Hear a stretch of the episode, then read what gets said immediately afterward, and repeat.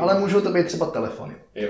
který jsou stejně jako ty sociální sítě designovaný tak, aby na nich člověk trávil co nejvíc času. Aby ti vzali co nejvíc pozornosti, aby si s tím vytvořil nějaký emoční vztah. A zase zároveň, aby ti uměla spouštět dopaminové centra. Tak na ní vzniká ta závislost. A já si myslím, že my jako uživatelé v podstatě nemáme šanci se tomu bránit. A těž, je to těžké nějak jako moderovat, jo? Jako, že si říct, budu tam, ale jenom trochu. Jo. Protože jako všechny tady ty firmy zaměstnávají nejlepší světové psychologi a designéry, aby byli schopni to prostředí udělat tak, aby přesně takhle fungovalo, působilo na náš mozek.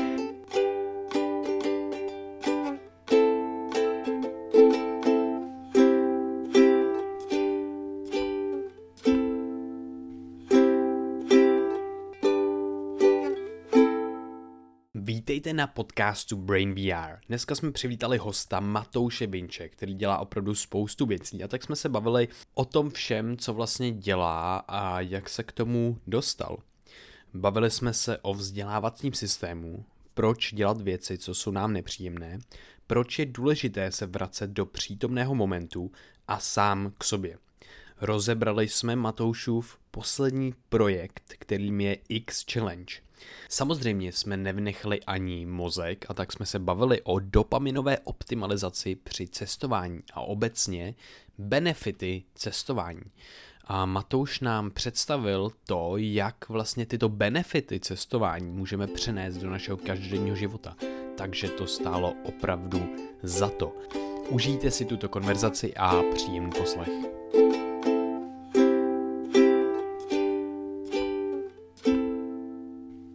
Vítejte u dnešního podcastu. A naše pozvání dneska přijal host uh, Matouš Vinč. Matouši, vítej u nás. Ahoj Matouši. Děkuji za pozvání a zdravím posluchače. Čau. Já bych se tě také možná na začátek moc rád zeptal uh, na jednu takovou specifickou věc, kterou jsem uh, o tobě našel. A to, ta se jmenuje zenový čaj. Mm-hmm. Víš, co to je zenový čaj?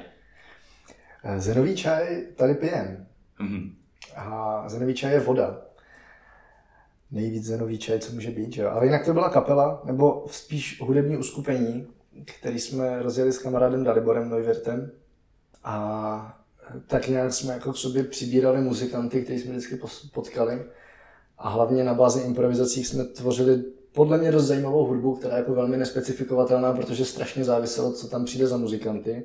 Mm. Hodně jsme hráli na ulicích, což byla geniální životní zkušenost. A většinou to bylo ve složení Daliborovo didgeridu a můj saxofon, klarinet, kachon, jirská flétna, něco, klavír, prostě co jsem zrovna kde jako našel. A pak jsme nahráli CD a pak jsme se rozpadli. Dobrá progrese. Ale bylo to trošku, protože jsem začal hodně cestovat a nějak to jako nešlo a teď zrovna jsme s Daliborem v kontaktu, že asi rozjedeme něco málo nového, že minimálně bylo fajn něco nahrát zase, že to, to bylo fajn. Já jsem poslouchal nějaký vaše album a, a to je úplně super. Co to je za žánr jenom? Nevím. to je jako ne, nezařaditelný, žánr, nezařaditelný žánr, protože to fakt jako vycházelo jenom z toho, na co jsme zrovna měli náladu. Aha. A ještě to didgeridoo je takový jako nástroj, který sice patří někam jako do australského folkloru uh-huh. a prolnul se do world music, který, která jakoby čerpá z toho folkloru. Jenomže my jsme zároveň do toho hodně používali prvky beatboxu a občas jako elektronickou hudbu a občas něco úplně jako off-topic k jakýmukoliv folkloru. A, a Dalibor hodně didgeridoo používá jinak, než, než vlastně jako původně aboriginci australani. Že my jsme tomu říkali modern etno, ale to jsme si vymysleli a vlastně nevím, co to je za To je jako velmi lokální folklor, jak to jako připadá. To takový jako by brněnský, vznikalo to v Brně většinou, takže jako brněnský folklor. jo, jo, jo, super, jo, brněnský folklor je taková věc sama o sobě asi. Ale, uh, já jsem se chtěl zeptat, protože Krištof tě zná trošku, trošku líp a trošku díl a já jsem si o tobě něco vlastně... Ale jednou jsme se viděli, no, to asi, mm. asi tak. ale, ale to, je, to je fakt hustý, ale já jsem tě jednou vlastně viděl v kavárně a věděl jsem, že jsi to ty, ale pracoval se, já jsem byl takový pauze mezi prací, teď jsem váhal, jestli za tebou jít a popovídat si a tak. Jsem věděl, že znáš Krištofa a tak, tak ale nakonec jsem nešel. Takže, jsme se, takže jsem tě taky jednou viděl. ale potom jsem si vlastně zjistil nějaké věci a teď se dozvídám víc a víc vlastně o tom, co děláš. Děláš to jako hodně, jako hodně moc, máš jako široký spektrum nebo toho, co jsi dělal. Můžeš nám teď popsat eh, to, co vlastně děláš teďka v tomhle, v tomhle momentě? Všechno? Nebo ne, že tady sedíš Jasně, a ne, mluvíš s náma. Ale, ale to je odpověď, jako v tenhle moment sedím tady s váma a vlastně moc nevím, co budu dělat zítra. Super, super. Aktuálně úplně ze všeho nejvíc dělám na projektu X Challenge mm-hmm. a do toho vlastně vydávám tři podcasty, nebo respektive ten jeden se teprve nahrává na živých akcích, ale někdy v průběhu podzimu začne vycházet jako podcast. A do toho přednáším, do toho školím, do toho jsem napsal dvě knížky a vedu web Travel Bible, který vychází z té první knížky. A cestuju a užívám si života docela si myslím jako hodně. Mm-hmm. Učím se spoustu nových věcí. V projektu Leap Makers děláme přednášky na středních školách, spíš takové workshopy, které by měly studentům trošku pomoct se směrováním do dalšího života a ukázat jim, že těch možností je mnohem víc, než být jenom právník nebo zubař nebo nevím, co prostě rodiče doporučují dělat. nebo politik. To bohužel tady nikdo moc nedoporučuje, když je to asi škoda. A obecně se snažím věci tvořit a právě proto nevím, co budu dělat zítra. Mm. Jako potřebuji mít ten pocit, že něco jako vytvářím, že tady za sebou něco zanechávám a že to má buď pro někoho, anebo pro mě pozitivní dopad. No, někdy si věci dělám jenom pro sebe, což jsou věci, které mě vůbec nikdo neví. Ať už je to to, že občas třeba píšu povídky, a teď bych jednu rád vydal konečně už. Mm. A nebo prostě se občas jenom flákám ale u toho vymýšlím prostě fantazie, jak by mohl fungovat svět nebo nemohl a mm. vlastně to všechno je pro mě nějaká tvorba. I ta hudba občas prostě mám potřebu si jít zahrát. Mm. A to je to, co mě definuje. Jako nerad bych to nějak tahal, prostě, že jsem ten a ten, který dělá tohle a tohle, protože to může být fakt za měsíc úplně jinak. Mm. A to je krásný, že máš tak široký zápřah a takovou flexibilitu. A to mi připomíná asi, že jako předtím tak musela být spousta věcí, která tě jako definovala už v minulosti a že se tomu nějakým způsobem uh, dostal. A to by nás teď možná zajímalo. Jako zajímal by nás tvůj příběh, jak se s tomu tomu všemu dostal a mě možná konkrétně tvoje cesta vzdělávacím systémem, která mi připadá fakt hustá. a hustý, že jsem to přežil. Ale když jsem si psal takový jako jednoduchý cvičení, který není vůbec jednoduchý a který trošku pomáhá sebevědomí, nebo spíš sebevědomí, tak jako napsat si svých 100 úspěchů. Tak jeden z těch prvních bylo to, že jsem přešel, teda přešel, přežil svoji cestu základní školou. Velmi důležitý úspěch v mém životě. No, já nevím, kde začít. Já bych asi jako začal úplně v podstatě jako u mimina, protože strašně moc ovlivnilo to, kde jsem vyrůstal, nebo spíš to, s kým jsem vyrůstal, protože táta vlastně byl součástí plzeňského undergroundu za komunistů a, a zároveň umělec, básník, spisovatel krom toho ještě učitel, tak možná i to mě jako ovlivnilo, ale, ale hlavně prostě umělec a všichni jeho známí a kamarádi, nebo naprostá většina, tak prostě byli buď taky umělci, nebo intelektuálové, vysokoškolskí profesoři. A já jsem jako dítě spoustu času trávil tady s těma lidma, kteří mě vlastně nebrali jako dítě. Což bylo naprosto skvělé a jsem za to obrovský vděčný. A spousta těch lidí mě velmi, velmi ovlivnila do dalšího života ale zároveň mě ovlivnilo vůbec jako to, že jsem je viděl kolem sebe. Takže pro mě to, co pro většinu mých třeba spolužáků na základce a na Gimplu bylo normální, což je právě to jako projít tu školu a najít si dobrou práci a mít rodinu a nevím co, prostě všechno, hypotéku, všechny tady ty srandy, hmm. dobrý auto, tak pro mě vlastně vůbec normální nebylo. Pro mě bylo normální žít svobodně a stále je a, právě jako vytvářet něco, co zrovna mám pocit, že bych vytvářet měl a co můžu světu přinést. No a do toho se pak hodně jako promítaly i, i moje, nevím jestli problémy, ale asi jo, asi jako problémy s učitelema, hlavně na té základce, protože já jsem byl ten, kdo se na všechno ptal, proč, jako, proč se tohle učíme a proč bych jako se měl tady na učit nějaký nesmysl a znát přesně letopočty, letopočty nějakých bitev, když vůbec nevím, proč ty bitvy jako byly a, hmm. a jaký to má důsledky do dneška, tak proč si sakra musím pamatovat i letopočet, že jo? A, a, kde přesně se dělá a jak se jmenoval generál a nevím prostě co. Hmm. Takže jsem šel dost jako proti tomu systému, což je vždycky hodně náročný. A bohužel jsem vyrůstal na malém městě, kde nebyla možnost jít do, nějakého, jako, do nějaký jiné školy. Uh, ne úplně klasický. No a pak už na Gimplu jsem si to otočil, to je asi to, na co se ptáš, nebo co ti přišlo tak zajímavé, mm. si to otočil jako podle svého, protože jsem, já jsem byl takový jako hodně rebel v tom, že jsem si říkal, že vlastně se na tu školu úplně vykašlu a, a nepůjdu tam.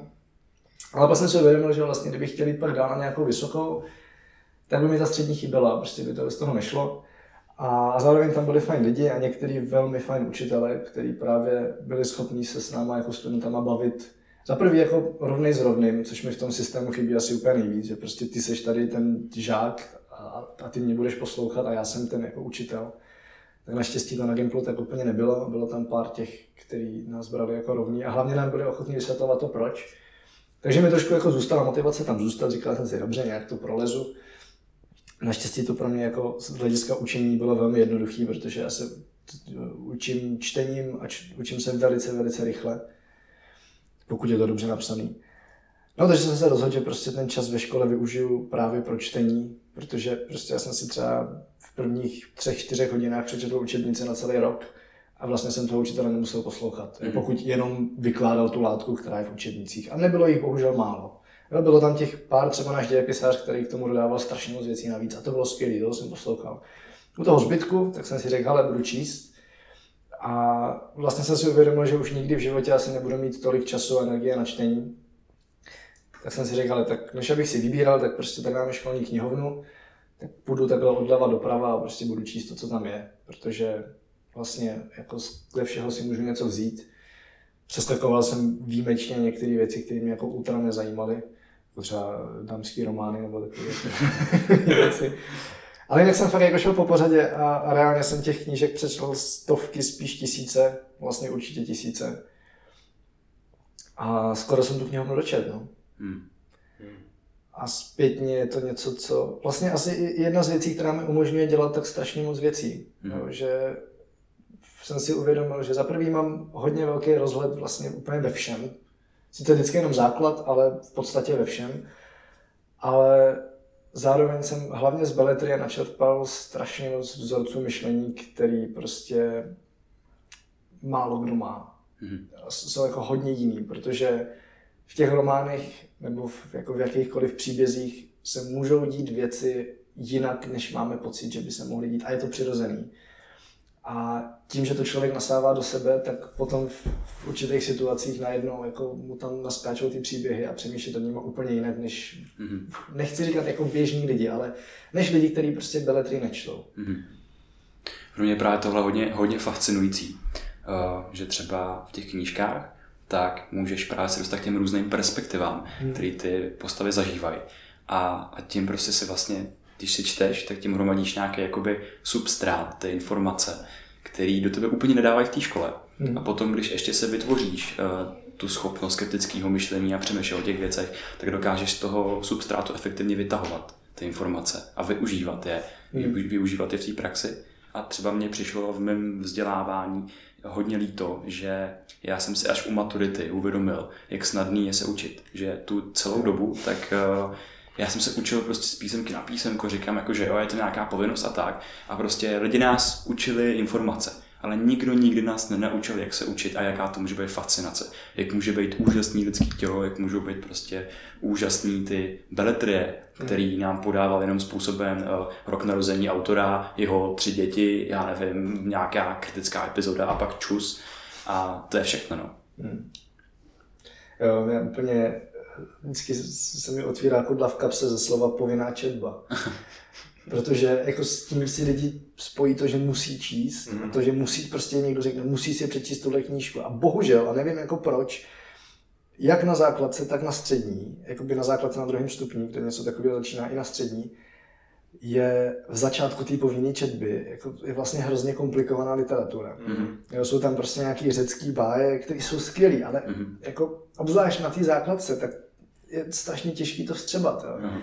Proč tam sakra není Harry Potter? To je jako ten výborný ne, příběh. Prostě. A kdybys měl jako první povinnou četbu uh-huh. Harryho Pottera, uh-huh. tak budeš číst, číst to další, ale ty máš prostě Homera, pak tam máš babičku, ještě jako musíš číst v té původní formě, v naučené češtině, který vlastně nerozumíš. No, není to úplně staročeština, no. ale je to prostě jako zastaralý jazyk pro nás.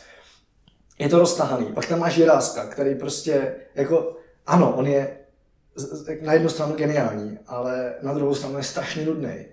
Mm. To prostě není něco, co chce jako puberták číst. Mm. Jiráska, Jirásek podle mě psal primárně pro důchodce, i když vlastně se jako tváří, že psal pro mládež. Mm. Ale rozhodně ne pro mládež 21. století, že jo. Takže ta povinná četba mám pocit, že to jako tyto čtení zhnusí hned mm. na hmm. začátku. A pak už tam jsou skvělé věci, pak tam je prostě, je tam Hrabal, jsou tam, já nevím, prostě je tam Kafka, jsou tam jako, je tam Havel možná nějaký, myslím, doufám. Uh, teď Kundera prostě, jako jenom z těch českých autorů třeba, což jsou všechno jako výborní autoři, výborní příběhy, které ti i v tom věku, třeba na tom Gimplu nebo na té střední, můžu rád hrozně moc. Jenže jsou tam až potom všem, co ti to jako zhnusí a už to vlastně čteš s odporem, pokud to vůbec mm. čteš. Že? Mm. No, tak to je škoda, velká škoda. Mm. No právě, že ta literatura tě může velice jako inspirovat, že jo? A když tě prostě zahubuje na tom začátku, když začíná dělat cokoliv, že jo? Ty potřebuješ být zaujatý na začátku, abys tom pokračoval. A jakmile ti tam prostě hodíš epos o Gilgameshovi, no. což vlastně vůbec jo. nezná žádný kontext a nic, jenom kvůli tomu, že je to prostě, starý. Právě. A teď jak, jak učit, že jo? Prostě tak jo, tak úplně nejjednodušší způsob, tak to vezmeme úplně od začátku, co můžeme, takže vezmeme nějaký starověk a jedeme. A ať to je na všech úrovních stejný, takže prostě jdeš do primy a tam do tebe hustějí prostě přesně ty staré věci, které jsou hodně těžko jako k pochopení, protože mm. jsou těch starých věcí taky součástí už prostě nějaká třeba jako i těžší filozofie, že jo, to učí na Fildě prostě celý rok a na právech taky, že jo, prostě máš jako antický právo a takhle. A teď ten člověk, když to má odpojený do toho kontextu, tak to jako nikdy nemůže zatím vidět tu propojenost, mm. to, jak je to vlastně hezký, ty věci. A tomu ještě tomu tvým příběhu, tak mě uh, vlastně fascinuje jedna věc, a to je to, že uh, spousta z nás je brána do určitého věku fakt jako děti. Hmm. Protože prostě tohle je dítě a teď i v tom vzdělávání, co mu prostě dáš jako informace jako rodič, že jo. Takže to prostě pro něj nebude vhodný mu dát spát něco složitějšího, něco filozofičtějšího nebo něco takového. Prostě ten člověk by neměl teď řešit nějaký jako dospělácký problémy, budeme ho vychovávat jako dítě, že jo. A teď ty jsi měl tu možnost uh, být obklopený lidma, kteří řeší jako reální věci, kteří tě hodili do toho dospěláckého světa, řekněme, ještě předtím, než si uh, dospěl, že? Mm. A, a tam už, tam už jako se museli ukládat nějaký nový vzorce, myšlení a tak dále, protože už si prostě přemýšlel dlouhodobě. A hm, kde pro tebe třeba byl takový, takový okamžik, kdy jsi uvědomil, že můžeš fungovat nezávisle na tom systému? Jo, nevím, jestli tam byl okamžik. Podle mm. mě tam vůbec nebyl. Mm. Já jsem si spíš jako velmi postupně, ale výrazně uvědomoval, že nemůžu fungovat v tom, jak je ten systém nastavený. A vždycky říkám s oblibou takový jeden hezký příběh, který byl takový jako spouštěč hodně silný nedůvěry k umělým autoritám která je společná jako v mojí sociální bublině, prostě s lidmi, kteří jako něco dělají kteří prostě hodně cestují, tak, tak je jako velmi společná věc. A mě to bylo hned v první třídě. Když se se mnou paní učitelka, a tehdy to ještě byla taková ta jako polobohyně, jo? Ještě, ona byla hrozně milá, prostě, jako, vlastně, vlastně jako, když se na to zpětně podívám, to byla velmi dobrá pedagožka. Jo? Ale ona se se mnou pohádala o tom, že neexistují černé ovce. Ona mi tvrdila, že to je prostě jenom pořád v televizi.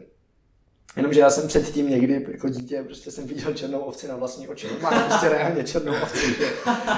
A, a paní učitelka ji prostě jako asi neviděla a, a nebyla schopná jo. přijmout ten, jako jo, ten, ten můj reálný prožitek. Jo, říkala, ne, to se ti zdálo, nebo to, to, to pohádce prostě, ovečka Sean, že jo. Proč je ovečka Sean černá? No, protože existují normálně černé ovce, že by jako nebyla, že No, takže jsem dostal svou první poznámku tady za to.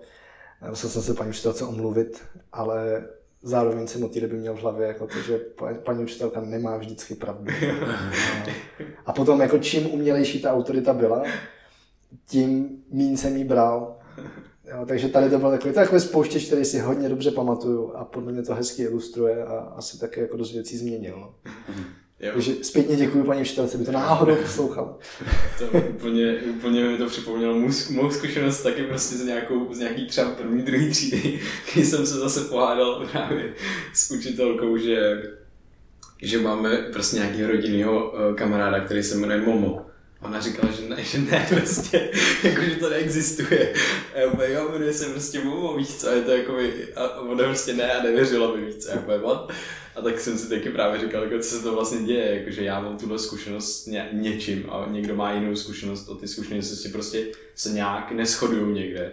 A takhle to má jako každý, že nemusí mít pravdu, když mi řekne, že není a já vím, že je, tak jako, že co to znamená teďka. Hmm. Tak jsem měl taky takovou, taky mám sdílem uh, tu, tu, k těm, těm autoritám tenhle vztah, tak, tak je to jako zajímavý tohle hodně. Mě bys chtěl zeptat, uh, máš teda nějaký jako ideály, jakby takový vzdělávání mladých lidí, kteří jsou prostě trochu zranitelný, co se týče těch informací, které přijímají, tak by mělo vypadat?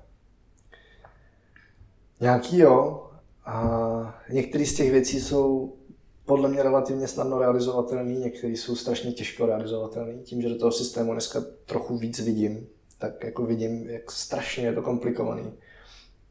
Jak strašně moc lidí do toho může mluvit a jak těžký je tam udělat nějakou změnu. Mm. A ještě k tomu, jak hodně se ta změna jako může projevit negativně, i když ten záměr může být skvělý.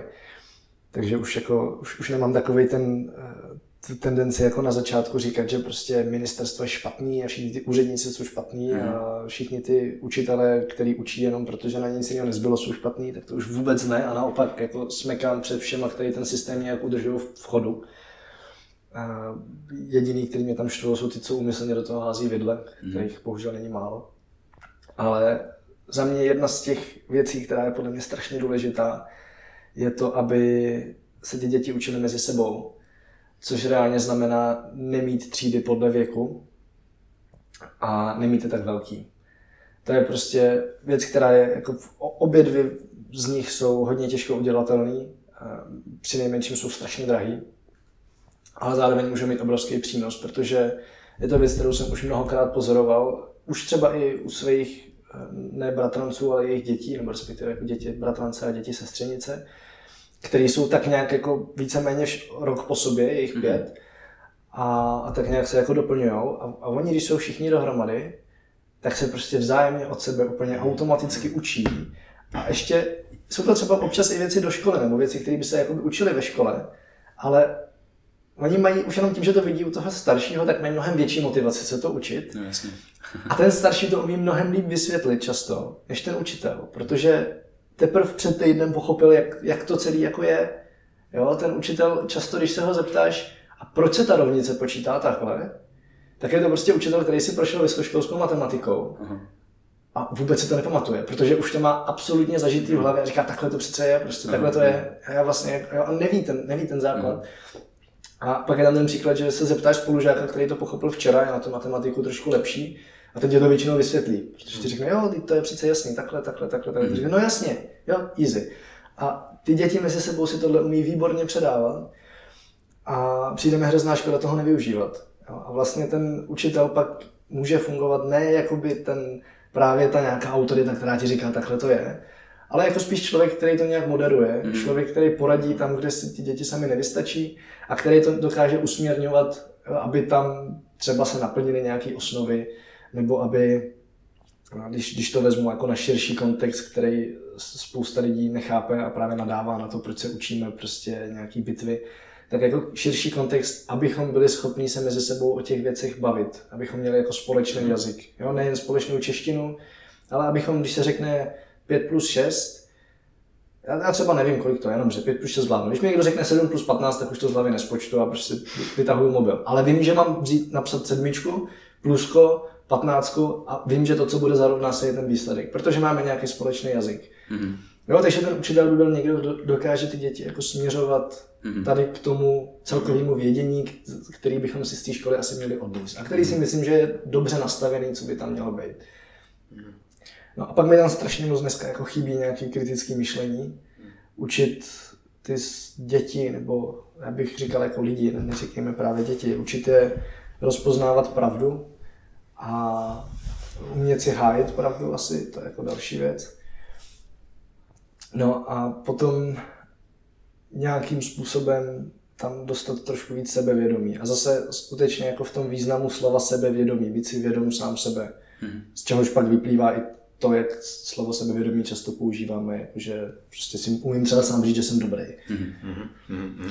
Mě baví ta role toho učitele jako facilitátora, aby ty děti objevovaly, protože když jim dáš objekt, tak oni, ta, ta inspirace, ta mm. fascinace, tak je jako dost často jako neprobuzená, že? A když jim dáš dostatek času a nějakou formu jako nudy, tak prostě oni se do toho pustí jako moc rádi a pak se učí přesně jako od sebe. A třeba já osobně se učím nejlíp věci, když je vysvětluju, protože až tehdy, když se začnu mm. vysvětlovat, tak zjistím, že je vlastně chápu špatně a že pak na to společně přicházím třeba s člověkem, který mu to vysvětluju, takže je za mě jakoby úplně uh, super efektivní systém. Mm mě zaujalo teďka, bych se dostal k tomu sebevědomí a vůbec k nějakému vědomému prožívání. A řekl si jednu věc, což je říct o sobě třeba jo, já jsem dobrý v tomhle tom. A mě tohle nešlo vůbec jako přes jazyk hodně dlouhou dobu. Měl jsem k tomu úplný jako odpor. Bylo to z nějakých, vím, že to je z nějakého mýho v podstatě, ano, bylo to v podstatě nějaký trauma, a něco, co jsem viděl ve společnosti a co mi prostě nějakým způsobem vadilo. Ale pak to samozřejmě vadilo, když jsem měl třeba právo to říct hmm. uh, já sám o sobě, uh, protože jsem to většinou viděl v kontextu, který uh, kde to bylo ne, jestli neoprávněný, ale něco negativního, nějaká negativní konotace s tím spojená. Tak jak vlastně, jak vlastně si vytvořit tenhle skill toho, kdy myslím, že dost lidí má problém vlastně si věřit v tomhle tom a, a prostě něco dělám dobře, baví mě to, tak si říct OK, e, tady mám hodnotu nějakou a, a jsem, v tom prostě, jsem v tom prostě dobrý. Jak k tomu tomu budu dojít? A jak vlastně ty se k tomu, vlastně k tomu vědomému prožívání uh, stavíš, nebo co to pro tebe znamená nějak, víc uh, do hloubky? Podle mě úplně nejjednodušší cesta v, konkrétně v tomhle případě, v tom jako říci, že jsem dobrý a, a třeba se pak umět i prodat, mm-hmm. jo, tak je vypadnout z Čech na chvíli. Mm-hmm. Ideálně na západ nebo do Austrálie, protože je taková, není to jenom česká vlastnost. Já jsem si dlouho myslel, že to je jako jenom česká, ale ona to je tak jako vlastnost tady těch všech států kolem a dost negativně se to dneska projevuje i v, jako v hodně širokém kontextu. A tady jako říct o sobě, že jsem dobrý, je právě společensky vnímaný v podstatě špatně. Hmm, přesně jak to vnímám. Jo, je to takový jako, že hala nevychloubej se. Hmm. Jo, a pak najednou, třeba Amerika je úplně druhý extrém, ale podle mě je fajn si to zažít. Já nemám v tomhle Američany úplně jako v lásce, často mě tenhle přístup štve, že tam každý je prostě skvělý. A každý ti o sobě bude tvrdit, že je prostě největší guru a mistr a něco bla bla bla bla bla bla bla a umí úplný hovno. Ale nebojí se to říct. Jo, a vlastně tě v tom všichni podporují. Všichni říkají, jo, vlastně jsi dobrý. A je to úplně opačný přístup. A, a v momentě, já mám pak pocit, že v momentě, kdy jsi v tom jednou přijatý, tak už je pak relativně snadný si to udržet. Není to jako úplně, že by to se drželo samo, musíš to nějakým způsobem udržovat vědomě a, a připomínat si to, že jsi dobrý, ale jakmile jednou si to zažiješ a jednou prostě jsi jako schopný to říct, ale jsem v tom fakt dobrý, teď fakt jo, ty, po co jde, jako fakt jsem prostě dobrý muzikant, jo, nebo mm-hmm. prostě dobře píšu. To tak se kraje, tak se podívám tady na všechny lidi kolem a jsem mm-hmm. lepší než oni. Jo, a nebo jsou všichni skvělí a já jsem stejně skvělý. A mám pocit, že nejjednodušší je tohle zažít mimo Čechy, a nebo si prostě nažít, na, najít skupinu lidí, který, který takhle žijou, který to jako mají už sami za sebou v pohodě a pak už to člověk jako pochytí. No. A já třeba rád lidem říkám, že jsou dobrý, protože vím, co to může udělat, vím, vím jak hodně to může změnit jejich život, že si hmm. najednou prostě přiznají, ale ty vlastně jo. Hmm proč, proč jsem si celou dobu myslel, že ne a že nemám na to si říct o víc peněz, že nemám hmm. na to jít na volnou nohu a dělat prostě ty věci sám a tak, jak chci a ne si nechat od někoho diktovat. Hmm. Ale to vycestování na nějakou trochu delší dobu ideálně, tak tam udělá hrozně moc. Hmm. Člověk může být problém jako i v tom uh, najít to, že jo, v čem, v čem je dobrý. Hmm. A ono prostě občas stačí si říct, jo, já jsem dobrý, že jsem třeba jako fakt vstal z té postele, jak můžu jako něco dělat, co můžu dělat, že jo. Hmm jsou taky ty limitující přesvědčení, ty pravidla té společnosti, který nás prostě tak jako pořád tlačí někam. No. Ale já jsem tohle hodně řešil vlastně v době, kdy jsem byl třeba ve čtvrtáku na Gimplu a pak, když jsem ten Gimpl skončil, tak to pro mě bylo takový hodně přelomový období, tím, že jsem se právě odstěhoval od rodičů, to taky udělá strašně moc mimochodem. Mm. A odstěhoval jsem se úplně do jiného města, šel jsem do Brna dva roky A snažil jsem se jako aktivně s tímhle něco dělat a právě poznat sám sebe, zjistit, zjistit to, v čem jsem dobrý, zjistit to, jak to mám komunikovat s lidma, zároveň se naučit jako nebýt u té komunikace arrogantní, protože prostě moje přirozená vlastnost je to, že jsem jako velmi bezemoční v, určitý, bezemoční v určitém typu komunikace a na lidi to působí velmi arrogantně. Mm-hmm. Tím, že jim prostě řeknu, ale v tomhle jsem lepší než ty, tak to pojďme udělat takhle. jo, což spoustu lidí nastere, že jsem měl takový jako období, kdy jsem se hodně intenzivně učil s tím něco udělat. Stále se to učím, ale myslím, že už to výrazně lepší, než to bylo. Už, mm-hmm. už jenom občas někoho nasedu, už to není jako de- denní, denní věc. A jedna z těch věcí je to, co jsem už tady zmínil, to, že jsem si psal svých 100 úspěchů. To je fakt jako strašně jednoduché cvičení myšlenkově, kdy reálně potřebujete několik dní, protože napsat první 20 je v pohodě, ale pak najednou jsou to jako, tyhle, co jsou ještě moje životní úspěchy, ještě třeba v těch 20 letech. Jako. Ale najednou to máš na tom papíře. Těch 100 věcí se fakt napsat dá, napíše to úplně každý. Pak jsou tam prostě věci typu, ty jsem se naučil chodit. Mm-hmm. A kolikrát si to malý děcko rozmlátí hubu mm-hmm. a kolikrát prostě si rozsekne hlavu v oprách nebo v nebo něco. Ale stejně se vždycky zvedne a nakonec se prostě naučí chodit. Mm-hmm. Úplně stejným způsobem se naučí mluvit. Mm-hmm. No, stejným způsobem se jako v životě, jako to malé dítě učí spoustu věcí a pak si to všechno se píše špatně najednou jako ty lidi. jsem tamhle vyhrál nějakou olympiádu, prostě jako vlastně, no, jaký okresní kolo, ty v tom okresu je kolik? 2000, 5000, 10 tisíc studentů v mém věku a já jsem z nich byl nejlepší. To, to je přece dobrý. Jo, a takhle si postupně napíšeš těch 100 věcí a pak se na to podíváš a vlastně si jako můžeš říct, hele jo, jako jsem prostě v něčem dobrý a tady to mám napsaný. Je takový fajn cvičení na to, jo. si udělat předtím, než píšeš životopis. Rozhodně. a nebo než, než jdeš na pohovor. Nebo je to je taky super, super takový taky taktika, kdy vlastně máš tyhle věci, ale máš je rozstříhané na malý papírky, máš v nějakém jaru, prostě nějakým nádobě a každý ráno si jednou vytáhneš a přečteš to, oh my god, to je hustý, já jsem vlastně to fakt udělal. jo, no, jo, no. To je super, no. Nic jsem zautomatizoval, to, to je paráda. Hele, eh, ty jsi tady zmínil, jak jsi vycestoval, jak to hodně naučil, nebo to, jak vlastně se odstěhuješ z rodičů, už to může hodně naučit. Hmm. To, je, to je nějaký výstup z komfortní zóny, že jo? A nemalej, tak jaký, jak výstup, vystupování z komfortní zóny, jakou roli hraje vlastně v tom, co seš, v tom, co děláš v tom životě? Já úplně nemám rád ten buzzword, jo. já obecně nemám rád buzzwordy a mm-hmm. výstup z komfortní zóny je jeden z nich, když to popisuje relativně dobře. Mm-hmm. Spíš bych to možná popsal jako dělat věci, které jsou mi nepříjemné. Jo. Protože to tak je. Každý mm-hmm. výstup z komfortní zóny je nepříjemný, jinak to není výstup z komfortní zóny. Mm-hmm. A dokonce jsme se shodli s, s kolegou Mikim Škodou, že známe lidi, pro který je komfort být mimo komfortní zónu a, a cítí se jako hrozně nekomfortně v komfortu. A, jo, jo, ale to je, což, to je, to je zajímavý, to bych rád potom to což, no, ale jako reálně se to může stát. Takže se bavme o tom, jako dělat věci, které jsou mi nepříjemné, a, a nebo které jsou nějakým způsobem úplně nový a tím pádem se jich bojím, protože strach z neznáma je naprosto jako přirozená vlastnost. A pro mě obojí je strašně důležitý v tom, abych se jako cítil, že se někam posouvám. Což zároveň je můj vnitřní motor, že prostě to, že se někam posunu, je často velká motivace věci dělat. Nejsou to peníze, není to sláva, není to eh, často ani to, že za sebou něco zanechám, ale je to prostě to, že se někam posunu, něco se naučím, budu dělat něco nového.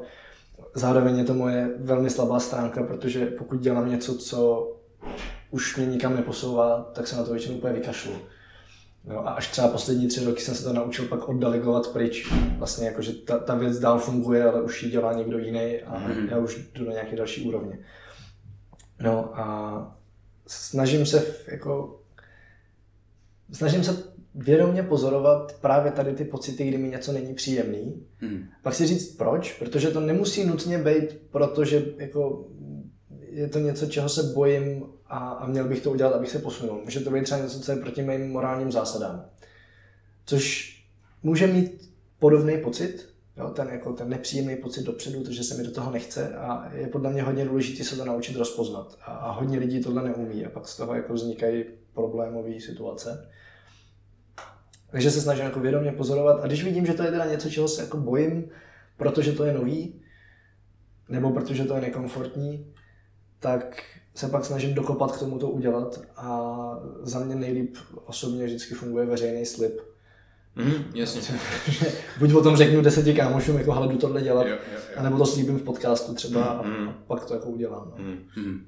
To jsme vlastně, takhle vznikl podcast, jako jenom mimochodem my jsme začali říkat, jo, děláme podcast a říkali jsme to prostě půl roku a pak prostě musel už být podcast, že jo, že všichni, no tak ten podcast.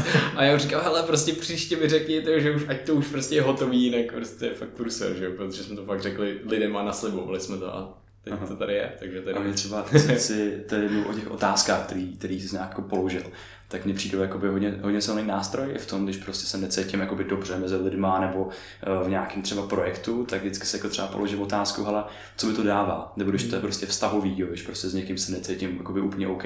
OK, je to kvůli nějakým mým dom- domněnkám, nebo fakt je to kvůli tomu člověku, teď kde, kde, kde je ta hranice, kde je ten problém, že jo. A to, mm, to může nějakým způsobem líp nastavit už to, jak já to vnímám a může to prostě díky tomu s nás v tom se trvám nebo právě z toho vystoupím. Prostě definovat si, co mi to dává, co mi to nedává. Já si hlavně myslím, že je důležitý se zastavovat, že v dnešní svět je nastavený tak, že prostě jako jedem a všechno se jako valí před náma a lidi jsou hrozně tlačený na výkon Hmm. a v ten moment, třeba když ti přijde tady ten nepříjemný pocit, a je to věc, kterou dělám taky, jo, tak často začneš prokrastinovat prací. Jo. Jo, je tam prostě něco velkého typu, ale prostě potřebuju teď sehnat někde mega, abych mohl rozjet nějaký další projekt. Potřebuju teď zavolat prostě do banky a vyrindat si od nich mega, nebo zavolat investorovi, nebo prostě nějak Mm. jako sehnat mega. Ale je to strašně nepříjemný, nikdy jsem to nedělal teď jako a říkat si o peníze je sakra těžký. No tak prostě začnu dělat něco jiného. Začnu psát knížku. Mhm. prostě jako je to, co, co si vlastně jako odůvodním, že je důležitý. Mhm. Jo, já v podstatě nikdy nezačnu dělat to, že bych prostě šel koukat na film nebo ne, Mhm. nevím, prostě prolezl, YouTube, ale často začnu prokrastinovat prací. Mhm. Jo, a čímž nemám ten důvod se zastavit a fakt si říct, hele, tyjo, tak co je teď to důležitý? Protože prostě pořád pracuju a, a ty práce je vždycky, vždycky je co dělat. Jako, jakmile člověk dělá nějakým způsobem sám na sebe, tak vždycky je co dělat. Nikdy prostě nedojdeš do stavu, kdyby všechno bylo hotové. Mhm. No, takže t- ten skill jako zastavit se a říct si, proč mám ten nepříjemný pocit, proč se tomu vyhejbám, co s tím teď jako udělat, a ten je velmi, velmi zásadní. Hmm. A, To je- a mimochodem, jako opět se pojí v mém případě s cestováním. Já jsem si fakt uvědomil, že když jsem v Praze, tak je pro mě mnohem těžší se zastavit, než když občas jako vyjedu někam pryč a mám úplně jinou perspektivu, úplně jiný typ práce, najednou nemám žádný schůzky, najednou se mi nikdo nedovolá, najednou s- jako já ne- nemusím řešit, nemusím chodit na podcasty. Hmm. Mhm. yes. Jak jsi se dostal k tomu, k tomu cestování? Co byla tvoje první cesta, jak vypadala, kdy to bylo? Svoji první cestu si nepamatuju. Eh, v- Viděl jsem fotky, jak mě rodiče nakládají s kočárkem do vlaku. a, a zase, to jako, zase můžu hodně poděkovat rodičům, protože jsme cestovali už, už od malička, s tím, že když jsem byl fakt jako malý, tak mamka ještě dostudovávala vysokou, takže jsme neměli moc peněz, táta učil, takže jako hodně blbá kombinace. A mamka je doktorka, a on jako to málo kdo ví, ale doktor v prvních deset let praxe tak má pořád dost málo peněz. A, takže vlastně jakoby ten třeba prvních deset let života mých nebo jedenáct, jsme cestovali téměř výhradně po Čechách, až na pár nějakých jako dovolených u moře, jsme byli snad jednou do té doby. No a pak vlastně jsme začali cestovat trošku víc, protože táta začal hodně překládat, takže najednou jako i cestoval do Anglie a vlastně mě pak vzal sebou, tam nějaký známý. A zároveň jsme si prožili takovou jakože eh, typickou all-inclusive dovolenou na nějakém španělském ostrově na Ibice to bylo, kdy právě už jako jsme si to mohli dovolit, tak jsme prostě na těch 14 dní do hotelu, tam ty, ty, ty drinky s paraplíčkem, bazén, všechny tady ty kraviny. A všichni jsme byli strašně otrávení. A až zpětně jsme zjistili, že rodiče tam jeli kvůli nám, protože si mysleli, že jako děti prostě tohle chcem. A my jsme tam jeli kvůli rodičům, protože jsme si mysleli, že vlastně oni chtějí to tohleto. A naštěstí jsme to zjistili už v průběhu té dovolené, že jsme pak jako prochodili ten ostrov a, a od té doby jsme pak jezdili jako do hor a pak jsem byl vlastně v 16, mě táta vzal do Skotska, že jsme tam přišli kus uh, Great, jak je to, Great Highland Way nebo něco takového. Jedna z těch dálkových tras, co ve Skotsku vede. Jsme prostě prošli velký kus pěšky a zase tam jako, ne, prostě nemůžu říct, že bych někdy jako začal cestovat. To víceméně začalo, když jsem se narodil a pak se to postupně vyvíjelo. No. A, A pak jako v 18, jakmile jsem mohl, tak jsem vyrazil na měsíc sám do Skotska a od té doby se to veze. Už to jenom zhoršuje. Eh, já bych se moc rád eh, vrátil vlastně k tomu komfortu, nekomfortu a opačně, protože eh, to je velice zajímavé, jak my vlastně máme tendenci pořád jako utíkat někam a třeba dost často neumíme být teďka jako sami se sebou a právě, jak jsi říkal, zastavit se. Hmm. A prostě ať je to cokoliv, ať už člověk, právě já jsem měl období, kdy jsem nemohl koukat na seriál, na film. Vlastně to jako štvalo, protože prostě jsem to vždycky jako nějakým způsobem miloval, nějaký, já nevím, prostě uh, nevím, Donnie Darko a takhle, prostě ty filmy mi nějakým způsobem něco dali a fakt mě uspokojovaly. A teď jsem nemohl prostě na to kouknout, nemohl jsem si to užít. A, a tak jsem se to musel znovu jako naučit. A, a vlastně je to stejně, jako stejná činnost pro mě skoro jako meditace nějakým způsobem. Mm-hmm. Uh, jak k tomu tomu přistupuješ a jak vlastně si najít ten, ten bod a, a, nějakým způsobem si uvědomit, že OK, tohle je další jako útěk a já teď nejsem schopný zastavit a nic právě nedělat. Právě, že třeba jenom se jít projít a vnímat stromy a jenom co se jako děje okolo, vnímat sám sebe a přemýšlet si a ne vlastně psát knížku nebo něco takového. no, obecný návod ti nedám, mm. protože ho nemám a nechci jako tady nikoho poučovat. To, to, co se snažím u sebe, je právě pozorovat sám sebe, pozorovat své pocity a vnímat třeba i signály svého těla, mm. což taky vnímám, že dost lidí nedělá a pak prostě jako nechápe, proč jsou pořád nemocný a zároveň pokaždý, když se potkáte, tak ti říkají, jak je jejich práce úplně strašná, jak tam strašně sere, jak tam nechtějí chodit. A proč asi jsou nemocní? Jo, jo, jo. No, takže jako snažím pozorovat, jak co mi říká tělo, tak co mi říká i, i mysl, nebo co mi jako říká to, jak se ráno, v jakém, v jakém stádiu se ráno probudím. Jestli se prostě probudím s tím, že ježiš, ty zase prostě toho, se toho, tolik mě toho čeká, nechce se mi vstávat, nebo se prostě probudím s tím, ježiš, ty super, dneska tady mám s klukama rozhovor a pak jdu dělat tohle a pak tohle a fakt se na to těším. Mm-hmm. No, tak se snažím si tyhle věci uvědomovat a jakmile tam je něco negativního nebo něco, co nechci, aby tam bylo, tak s tím něco dělat. A zdaleka ne vždycky to funguje. Fakt často už potřebuju ten signál právě od toho těla, který je jako velmi silný, abych si řekl, ty vole, zastav se, zastav se, tady je něco špatně. Mm-hmm. A najednou se podívám jako měsíc dozadu a zjistím, že prostě dělám spoustu stresujících věcí, mm-hmm. nedělám vůbec nic pořádně, nedokážu jako mít fokus na jednu věc.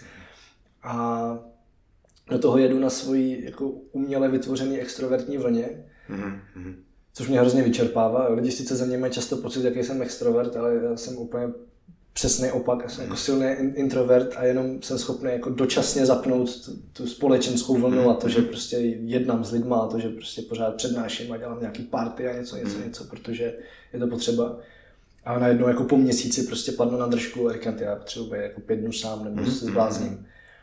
Což je hodně pozdě, ale aspoň pořád tam jako je ten, ten nějaký tělesný, něco prostě, říkám, těle, stůj, stůj, stůj. Je, je, To je, to je hustý, eh, jak to máš, že já to mám dost podobně, já jsem teď zažívám takovou fázi, že vím, že se potřebuji na pět dní odpojit a jít jakoby někam dopryč. Uh, máš nějak nastavený jakoby, tu sebereflexi, že prostě, nebo, nebo to máš, že se dostaneš do bodu, že si řekneš OK, tak teď konci to prostě nějak něco krizového a teprve se ohlídneš a nastavuješ to jako dál. Nebo děláš něco jako v průběhu? Jak abys ustanoval, řekněme, tu rovnováhu mezi tím extrovertem a introvertem? No, já se snažím vždycky zpětně si říct, jako co se stalo, co jsem třeba přehlídl, což mi potom příště umožní si toho všimnout dřív. Mm. Snažím se to jako si to zinternalizovat, abych nemusel racionálně přemýšlet nad každým pocitem, který mám, ale abych už jasně věděl, hele, tohle, když se minule dělo, tak to byl jasný signál, který jsem přehlíd. Mm. A zároveň i třeba vím, jak dlouho jsem v jakém módu schopný fungovat, takže jsem si to schopný i naplánovat. To jsem měl třeba letošní jaro. Já jsem přiletěl, na konci února jsem přiletěl z Keni, měl jsem dva kurzy podnikni to, což v podstatě jako funguje tady na té extrovertní vlně docela. A do toho spoustu dalších akcí, prostě nějaký jako travel show, což je vlastně nahrávání podcastu Travel Bible na život. Teď jako to samo o sobě je v pohodě a jako bavit se s jedním nebo se dvouma lidma pro mě není extrovertní věc, ale tím, že tam je to publikum a všichni se mnou pak chtějí bavit, mm. tak už to je vyčerpávající. No a do toho jsem vlastně rozjížděl celý nový projekt X Challenge Takže jsem věděl, že to bude jako brutálně náročné a věděl jsem, že to zvládnu určitou dobu. Takže jsem si do půlky naplánoval pár dní, kdy jsem jako věděl, že jsem v klidu, kdy prostě budu v přírodě. A pak jsem si tam naplánoval 18 dní, kdy jedu na motorku sám do Skotska, kdy prostě strávím dva dny na německých dálnicích a i v tom Skotsku tam je mnohem víc ovcí než lidí, takže vlastně jako budu v pohodě. Takže jsem už byl jako schopný dopředu odhadnout. Příště bych to Skotsko dal třeba jako o dva týdny ještě dřív, už pak jsem, už, už jsem jako rejl hodně hubou v zemi ty poslední dva týdny, ale už jsem zase měl jako jo, ale pak odjedu a pak se prostě všichni poserte, tady si jako řešte, já budu sám a si to jako dočerpám zpátky. No. Ale ta sebereflexe toho, když se něco pokazí, tady právě v tom jako nastavení života, tak si říct, hele, jako jaký tam byly ty signály, které jsem ignoroval, mm-hmm. klidně si je i zapsat a potom příště, když přijdou, tak už, už ti to tam prostě pinkne automaticky. Mm-hmm. A už máš mnohem větší šanci pak nepřehlídnout. Mm-hmm. To dělám vlastně taky, že asi v každé takové situaci, třeba dneska ráno jsem si vzal sešit a prostě vypsal jsem si, co mi jako vadí, co jsou ty nuance, mm. které mě jako otravují v té hlavě, abych se, abych se jim například příště vyvaroval. A tady se možná ještě jako dostaneme k jedné věci, která mě to dost zajímá, protože ty vystupuješ že jo, veřejně, přesně všichni si o tobě mají takový dojem, že jsi eh, extrovert a, a vzniká tady že jo, i taková jako iluze dokonalosti, prostě okolo spousty lidí, kteří jsou v tom veřejném prostoru.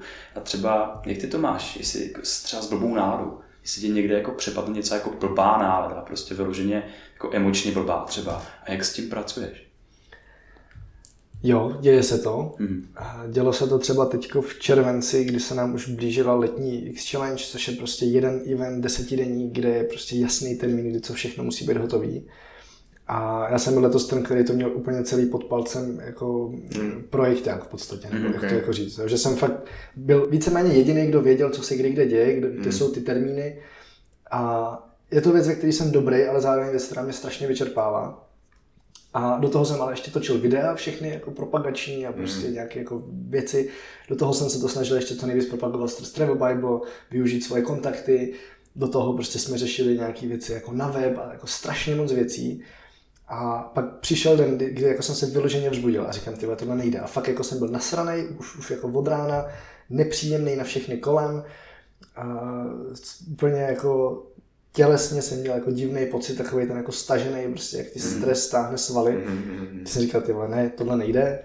A prostě jsem klukům, jako Mikimu a Petrovi, se kterými primárně tu akci organizujeme, nebo který v tom má jako největší podíl, tak jsem jim psal, hele kluci, prostě takhle se cítím, pojďme s tím něco udělat. A tady jsou věci, se kterými potřebuju pomoct. Takže možná jako to, to umět říct si o pomoc, když přijde blbá nálada, tak to je mm. taky jako věc, kterou si myslím, že by lidi měli obecně jako trénovat. Mm-hmm. A teď se to zase několikrát dokázalo i v rámci organizace té akce, že jako další lidi v týmu třeba si vlastně nedovedli říct o pomoc. Mm-hmm.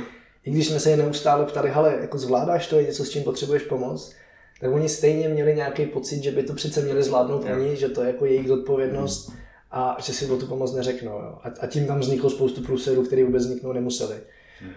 No, tak to, to je věc, která mi jako funguje, když přijde nějaká blbá nálada, tak prostě to jako říct těm lidem, kterých se to týká a hledat řešení. A, a ne to jako držet v sobě a jenom být na strany a ještě budit blbou náladu v někom dalším, protože Jasně. vlastně jako neví, co se děje. On to je návykový, no. nebo na, no, na, na, každý. Na každý. Jako na každý.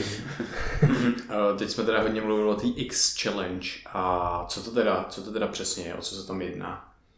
Jo, uh, X Challenge je projekt, kde tvoříme výzvy, které nějakým způsobem lidem ukazují, že dokážou mnohem víc, než si myslí. A zároveň to zapadá do nějaký dlouhodobý vize, kdy se snažíme Čechům vracet víru a důvěru v sami v sebe i v ostatní. A x se dneska skládá z docela dost různých věcí. Hmm. Jedno z toho je apka, stejnojmená, která dává lidem výzvy úplně do běžného života typu prostě, hele, kup mámě kitku a, a poděkuji za to, že ji máš rád. Mm. To je jako věc, kterou spousta lidí neudělá. A i pro spoustu lidí je hrozně nekomfortní. Pro někoho je to OK, jo. pro někoho to OK není. A pak tam jsou jako náročnější věci, typu prostě vyzvi někoho na veřejném prostranství k tanci. Jo. To, to, už, to už je docela hustá. a do toho tam zároveň ještě jako sekce s checkpointama, mm které jsou po Čechách a okolí taky se vždycky pojí s nějakým úkolem, ale jejich primární cíl je ukázat lidem, že Čechy jsou skvělí. Že tady toho je strašně moc k vidění, že o tom jenom nevíme a často lítáme do mm. aniž bychom byli někdy v Jízerkách nebo v Českém mm. Švýcarsku, nebo to, a jako snažíme se poznat Ázii. Že? No a do toho pak děláme konkrétně jako velký akce, ať už je to teď ta letní, co proběhla, kdy mají dvoučlenný týmy za 10 dní projet co nejvíc checkpointů po, po Evropě, neutratit víc než 2,5 tisíce na osobu a do toho ještě dostávají každý den docela drsnou sadu různých výzev, hmm. které jsou takový, některý jsou relativně v pohodě, jako třeba chodit celý den na boso, i když i pro někoho, jako pro někoho i tohle je mega výzva, ale některé jsou náročné pro všechny, jako třeba mít 6 hodin zavázané oči, už je jako oba prostě? Ne, jeden vždycky. Je, okay. Já nic listopuješ takhle. no. A nebo třeba 12 hodin nemluvit. Oh.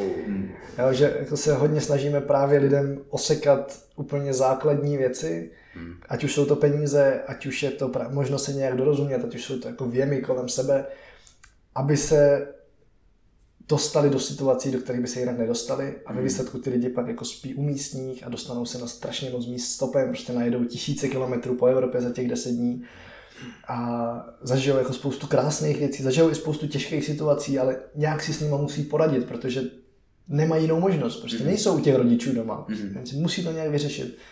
A často se vrátí úplně jako jiní lidi, jako najednou vidíš, jak jim prostě září oči a jak je to jako mm-hmm. reálně posune. Takže to je taková jako koncentrovaná forma. A teď na podobném principu, i když reálně úplně jiným, tak chystáme akci na podzim a pak jednu na jaro a do toho ještě děláme víkendovky, které jsou vždycky jako zaměřené na nějaký sebepřekonání a rozvoj v konkrétní věci. Hmm, to je super, tak to určitě stáhneme apku a budeme dělat jo, challenge. Že my jsme takový challenge vlastně tak nějak se snažili dělat jako sami prostě, no, ale Třeba tak... jenom to, že si plásne s člověkem na ulici jo, jo. a já jsem byl pak překvapený. Uh, taková ta radost vlastního sebe překonání, hmm. že já jsem pak byl naplněný euforií jakoby, a to se mi pak projkovalo, jenom když jsem si s někým plásnul takhle na ulici. Vždycky třeba to byl nějaký týpek, který měl právě kufr smoking, že říkám, ten se mne plásne, že jo. A jdu do toho, jako to rozkvetala ruka, pá, pá, plázl, že jo. A potom prostě s někým sejdu a jakoby taky víc zářem. A to jsem jsem měl třeba jakoby na tom stopu. Hmm. Na začátku to bylo takový, kdo ti zastaví, teď jsou to budou prostě že idiot, že jo. A je tam spousta takových lidí, kteří ti ukazují fakt nějaké z hmm.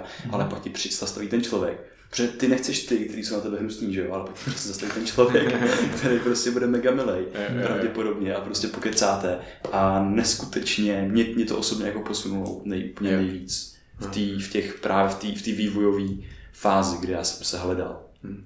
Ale myslím, že se k tomu můžeme dostat. Ještě jenom, když chceš něco pak říct, tak si to pamatuj. No to chci říct já. jo, jo, jo. tak je to, že ty výzvy většinou natáčíme, buď někdo z týmu, anebo prostě vytáhneme nějaký kamarády a jdeme ty výzvy natáčet do ulic Prahy nebo do Brna. Takže kdybyste měli chuť, tak pojďme něco natočit. No OK, tak dáme, dáme, určitě, jako, super. Rozjíždíme, rozjíždíme YouTube kanál. Jo, tak.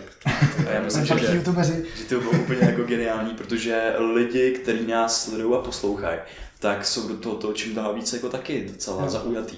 Takže můžeme pak udělat nějakou hromadnou akci prostě. Super. Pojďme, pojďme do toho. Tak jo. Já hlavně vidím ten obrovský efekt toho lidem ukazovat, jak málo k tomu stačí, jako málo k tomu. A to, to je přesně i taky věc, která ti ukáže ten, jako to, že jsi dobrý. Prostě. Mm. A ten potenciál toho, co se může jo, dít vlastně. Jo, jo, jo. A zároveň ještě jako můžeš prostě vykouzlit lidem úsměv na tváři, což mm. vlastně taky si nedovědomíš ty vole.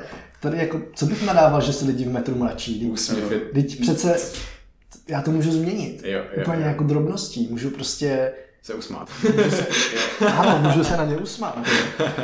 Ale, ale můžu dělat i něco víc. My jsme třeba natáčeli s jednou holčinou výzvu, kdy si máš vyzkoušet práci někoho jiného. Ideálně úplně jinou, než děláš ty. My jsme prostě chodili po Vinohradech a, a dělali jsme jako prostě v květinářství a natočit si zmrzlinu a pár takových mm. věcí. A pak tam byli borci, co tam kopali nějaký příkop. Oh yeah. a, a prostě jako kluci, se kterými by se normálně člověk už vůbec ne na Vinohradech nezastavil na kus řeči. No, prostě hmm. nějaký jako snědší, nevím úplně, jestli to byly Romové, některý z nich určitě, některý podle mě ne. Ne všichni byli Češi. A když jsme za nima přišli, tak oni nejdřív úplně tak jako z nedůvěrou, co po nich chceme. Hmm. Ale když se jich Martě ještě prostě hezká blondýna, prostě hubená, pěkně oblečená, když se jich zeptali, jestli jim může nějak pomoct, tak oni úplně jako dostali, akorát se hrozně báli šéfa, tak jsme pak jako šli tam oslovit toho šéfa který teda byl Čech, bílej Čech.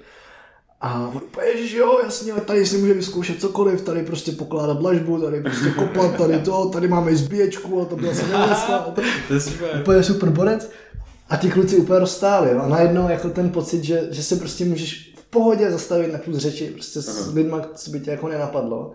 A oni si z toho, jako za prvý si z toho odnesli milion fotek, odnesli si z toho jako skvělý zážitek, vzpomínku, že, že vlastně jako se můžou bavit s kýmkoliv, jo. Že i s tím prostě borcem, já jsem tam byl oblečený takhle, takže jako v drahém oblečení relativně v saku snad dokonce, s drahým foťákem, Aha. Marta taky jako pěkně oblečená a, a oni tam, že v těch špinavých hadrech prostě kopali chodník a najednou, že se můžou v pohodě bavit. Hmm. A všichni z toho měli jako skvělý pocit. A ještě z toho měli skvělý pocit ty lidi, co chodili kolem, protože prostě vůbec nechápali, co jo, jo, jo, jo, jasně, jasně, jasně. A, a přitom je to blbost, prostě úplná drobnost. No. Marta prostě jediný, co reálně pak udělala, tak bylo to, že prostě nabrala pár kostek, poklepala z nich ten písek, nebo v čem to tam stojí. Aha. A házela to do kolečka, jo. že jo. A já teda, já, já jsem si vlastně vzpomněl, že jsem nedávno četl, abych to dal do nějaký jiný úrovně, tak jsem četl studii, která vlastně potvrzovala přesně, co to, o čem tady mluvíme. A to je to, že takovýhle malý sociální interakce, jako blbej prostě pozdrav prodavačké zeptání se jí prostě jak se má. Hmm. A, a přesně tyhle věci, ta komunikace a interakce už jenom oční, že se na někoho koukneš a usměješ hmm. se, tak jenom ti zlepší prostě den a je to jako potvrzený uh, studiem a tohle je přesně jako úžasné, takže lidi fakt hmm. můžou tohle implementovat do každodenního života, protože to může být úplná jako maličkost. Připadá to úplně skvělý. A už ten pohled je jako vysoce stresující věc, že když se s někým střetneš pohledem v metru, tak najednou ty, co mám dělat, mám zůstat, a teď ty mhm. zůstaneš. Mm. Tak právě to je úplně hustý, co se potom děje, že no. s tělem, s tím člověkem, nějaká interakce, může z toho být nějaký hovor a tak. Mm. A mě třeba připadá, to metro je tak fascinující věc, protože třeba na IPáku to zažívám, že stojí na ty lidi proudě okolo mě a každý ho jako kdyby ze zadu ně, něco tlačilo, že většinou to je další člověk, ale prostě má nějaký směr a někam jde. A prostě přesně, že jo, na té ulici tak jen spousta lidí, ale každý je sám má ten svůj záměr a prostě jenom se zastavit a vystoupit z toho, tak jenom hmm. vidíš prostě jako to divadlo kolem tebe, jak se tam hraje a můžeš přesně někoho z toho taky vytáhnout, tím, že si ním třeba jenom plácneš, že jo. Hmm. Jsme taky někoho oslovili na ulici dost často právě jakoby jenom, že se na, na něco chcem zeptat a ten člověk nás jako se nás zeptal, se nás jako divně podíval a říkal, vy jste z nějaký sekty? My jsme se ptali teda na smysl života a tak, no, ale stejně, jako to bylo vtipný, jo já abych, abych se k tomu někdy vrátil. Chci se hrozně moc vrátit eh, k tomu, jak vnímáš Prahu. Mm-hmm. A proč je Melbourne podle tebe lepší, jestli pořád to tak vnímáš? Jo, jo, jo. To, jo na to se mě pořád někdo ptá, jakože kam bych se přestěhoval. Já vždycky říkám, hele, vlastně nikam. Uh-huh. Uh, jediný, skutečně jako jediný místo na světě, který mi přišlo lepší než těch pár, který jako řadím hned pod něj, což krom Prahy je třeba Brno, Berlín, Amsterdam, Chiang Mai v Tajsku. Vlastně jako docela dost míst, které jsou propojený na několika linkách, kterým se můžeme dostat. Tak Melbourne jako jediný mi v tom přišlo lepší a ten důvod je, jsou, nebo ty důvody jsou vlastně dva. Jeden z nich je počasí, který je tam takový jako víceméně akorát. A věřím, že podobně by na tom byla třeba Kalifornie, nebo respektive některé její části. A určitá jako otevřenost způsobená tím, že tam jako nikdo nemůže tvrdit, že jsi divnej. Mm-hmm. Protože za prvý je tam jako nějakých 38% Aziatů dneska, je tam čtvrtí, kde se vůbec nemluví anglicky, prostě jako všechno čínsky. A já mám Aziaty hrozně rád, mm-hmm. pokud, pokud si sebou vezmou jenom to pozitivní, což mám pocit, že se v Melbourne celkem dost děje. A zbožňuji azijský jídlo. do, do toho tam je spoustu takových jako různých hippíků nebo jako hodně otevřených lidí. Mm. Do toho je v Austrálii v podstatě jako divný nedat si gepír, jo, mm. nějakou pauzu buď mezi střední a vysokou, anebo v průběhu vysoký, tak na rok někam vypadnout. Ať už to, že jdeš dělat někam třeba do sociálních služeb na rok nebo do nějakých dobrovolných projektů klidně doma, anebo spíš častěji, že vycestuješ někam pryč, a u Australů je to ještě často tak, že cestují třeba 6-7 let, prostě až pak se vrátí. Hmm. A, a pak jsou prostě, pak, pak dělají v bance. No, ale prostě 6-7 let někde si cestují po světě, tam žijou v dodávce, hmm. prostě žijou jak totální hippíci, v podstatě bez peněz a pak se prostě vrátí a jdou do toho života, který vlastně už měli jako nalajnovaný předtím, jo, ale, ale užijou si tu svobodu a, a jsou všichni jako víc, jak to říct, jako vyčilovaný, mm-hmm. ale hlavně mnohem mnohem otevřenější a, a mnohem, jako mám, mám pocit, že jsou schopní mnohem lepšího porozumění. Mm-hmm.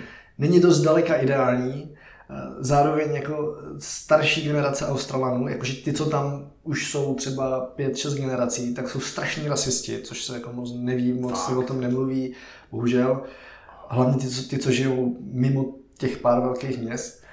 Takže to není úplně jako růžový, to vůbec, mm. ale ten, ta otevřenost spojená právě s tím podnebím, ještě s tím, jak se tam jako hodně surfuje, hodně sportuje, Zároveň ještě Melbourne je jedna obrovská vesnice, že tam je jako relativně nízká, eh, nízká hustota, za, mm, jak se tomu říká, zalidnění, krom úplného centra, mm. toho jako business centra, kde se tam moc nebydlí.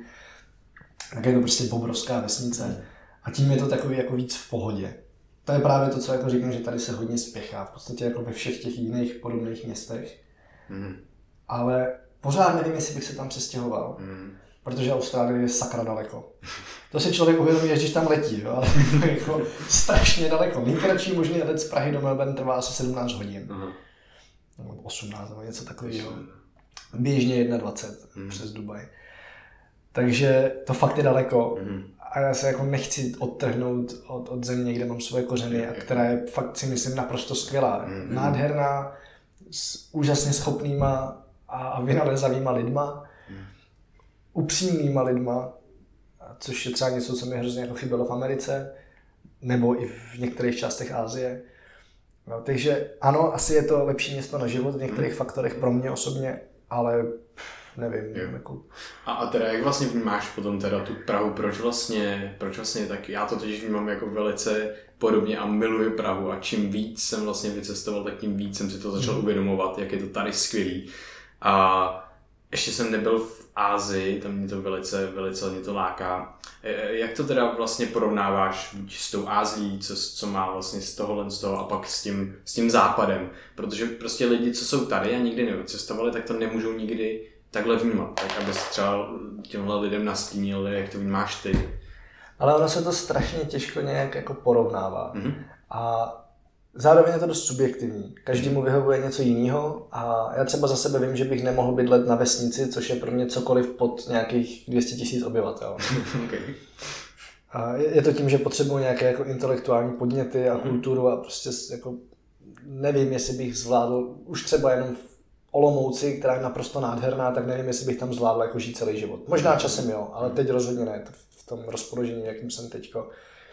Praha tady to vyžití má, je tady fakt strašně moc mega zajímavých lidí, ať už jsou to Češi, ať už jsou to lidi z celého světa, což vnímám jako velmi pozitivně.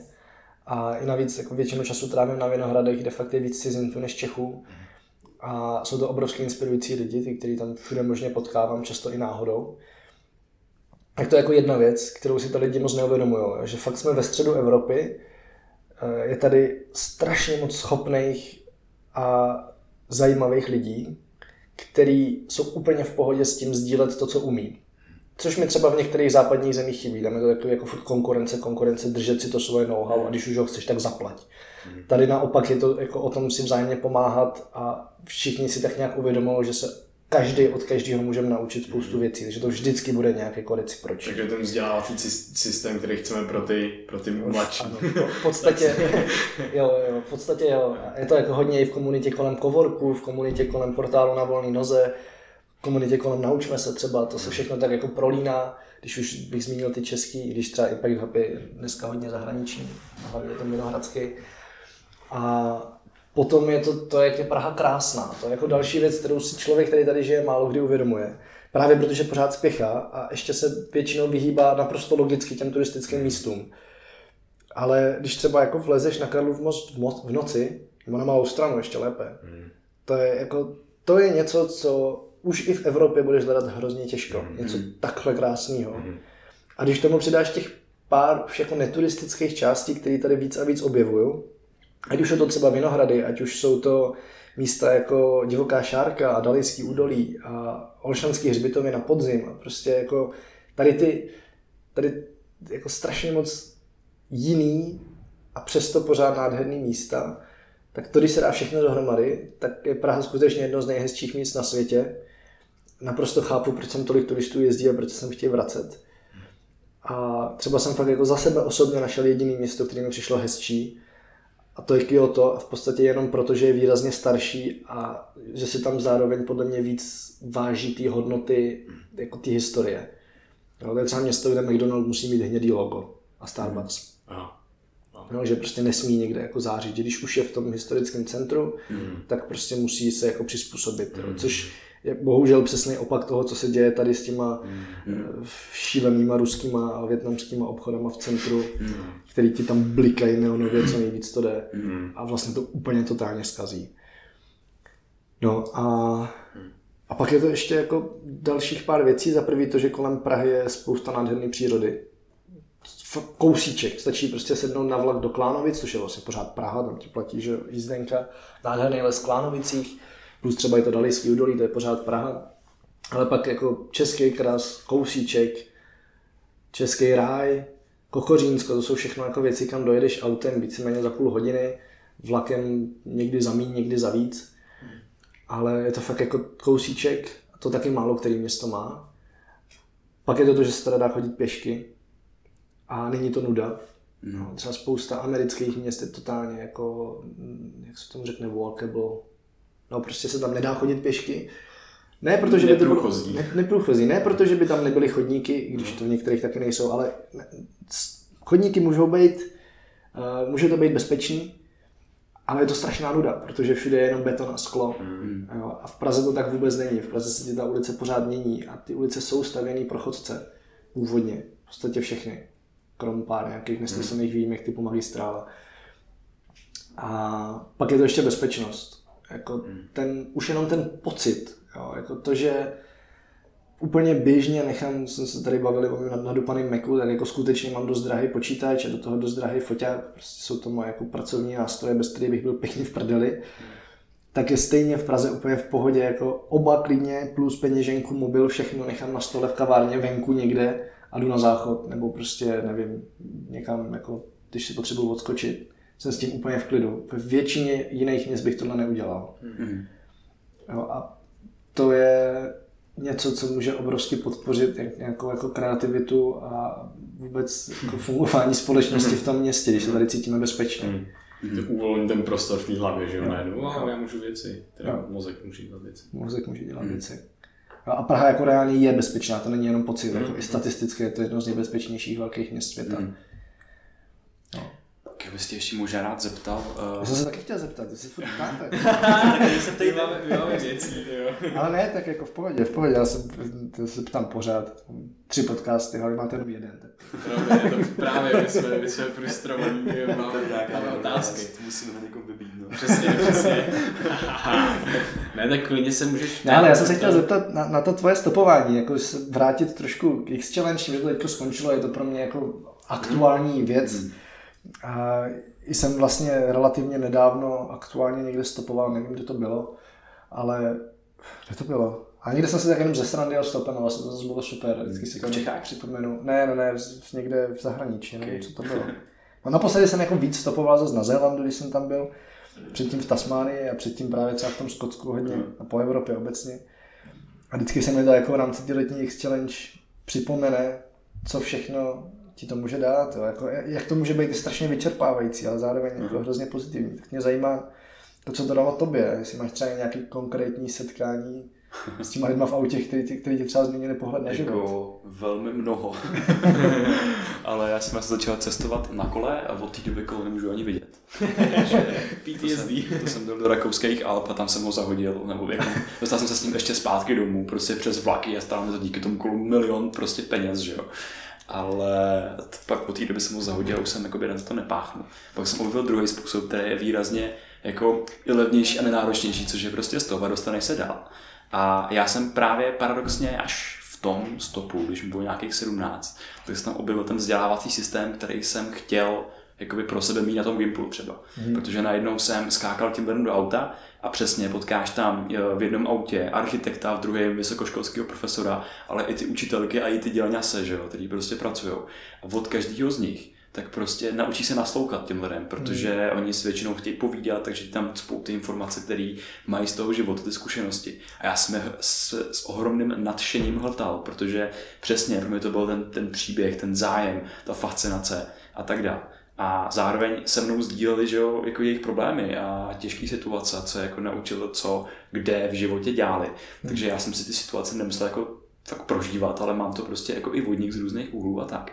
A pos, jako v neposlední řadě, tak to bylo, já jsem se tam zbavil ohromného množství strachu. Já jsem byl jakoby strach bylo mít druhý jméno. Já jsem to vyděšený prostě ze všeho možného. To prostě člověk, který má rok do toho, co má být jako dospělej, že jo, věkově, prostě 18, tak taky není úplně OK. A měl jsem takovou velkou sociální úzkost a prostě už jenom to, že jsem se ocitnul s člověkem v autě, tak jsem se to prostě začal bezprostředně zbavovat, že? Najednou ty lidi mi začali zvát k ním domů, takže já jsem měl takový ty předtím myšlenky, že lidstvo je mega špatný a prostě nechci s nimi nic společného. Pak jsem zjistil, že prostě každý člověk, který potkám, je mega dobrý a že prostě ti pomůže, i zrovna nechceš. takže mi to dalo takoby spoustu věcí v tomto pohledu. A mohl bych jmenovat jako dál. A to jsou nějaký, nějaký, nějaký základní věci. Vzpomeneš si třeba na nějakého konkrétního člověka? Ale vzpomenu si možná na člověka, kvůli kterému sedím tady a teď. A to je uh, jeden stop, kdy jsem jel z Bělehradu do Vídně. Cesta trvá asi prostě okolo 6 hodin. Ten týpek mě vzal, protože byl po nějaký neskutečný párty a potřeboval držet zhůru. Ale byl to člověk, který mu se v životě poserala spousta věcí a kvůli kterým se jako nesplnil sen být armádním pilotem, když to měl dobře jako našlápnutý, je teď zved nějaký brutálně hustý bar někde ve Vídni.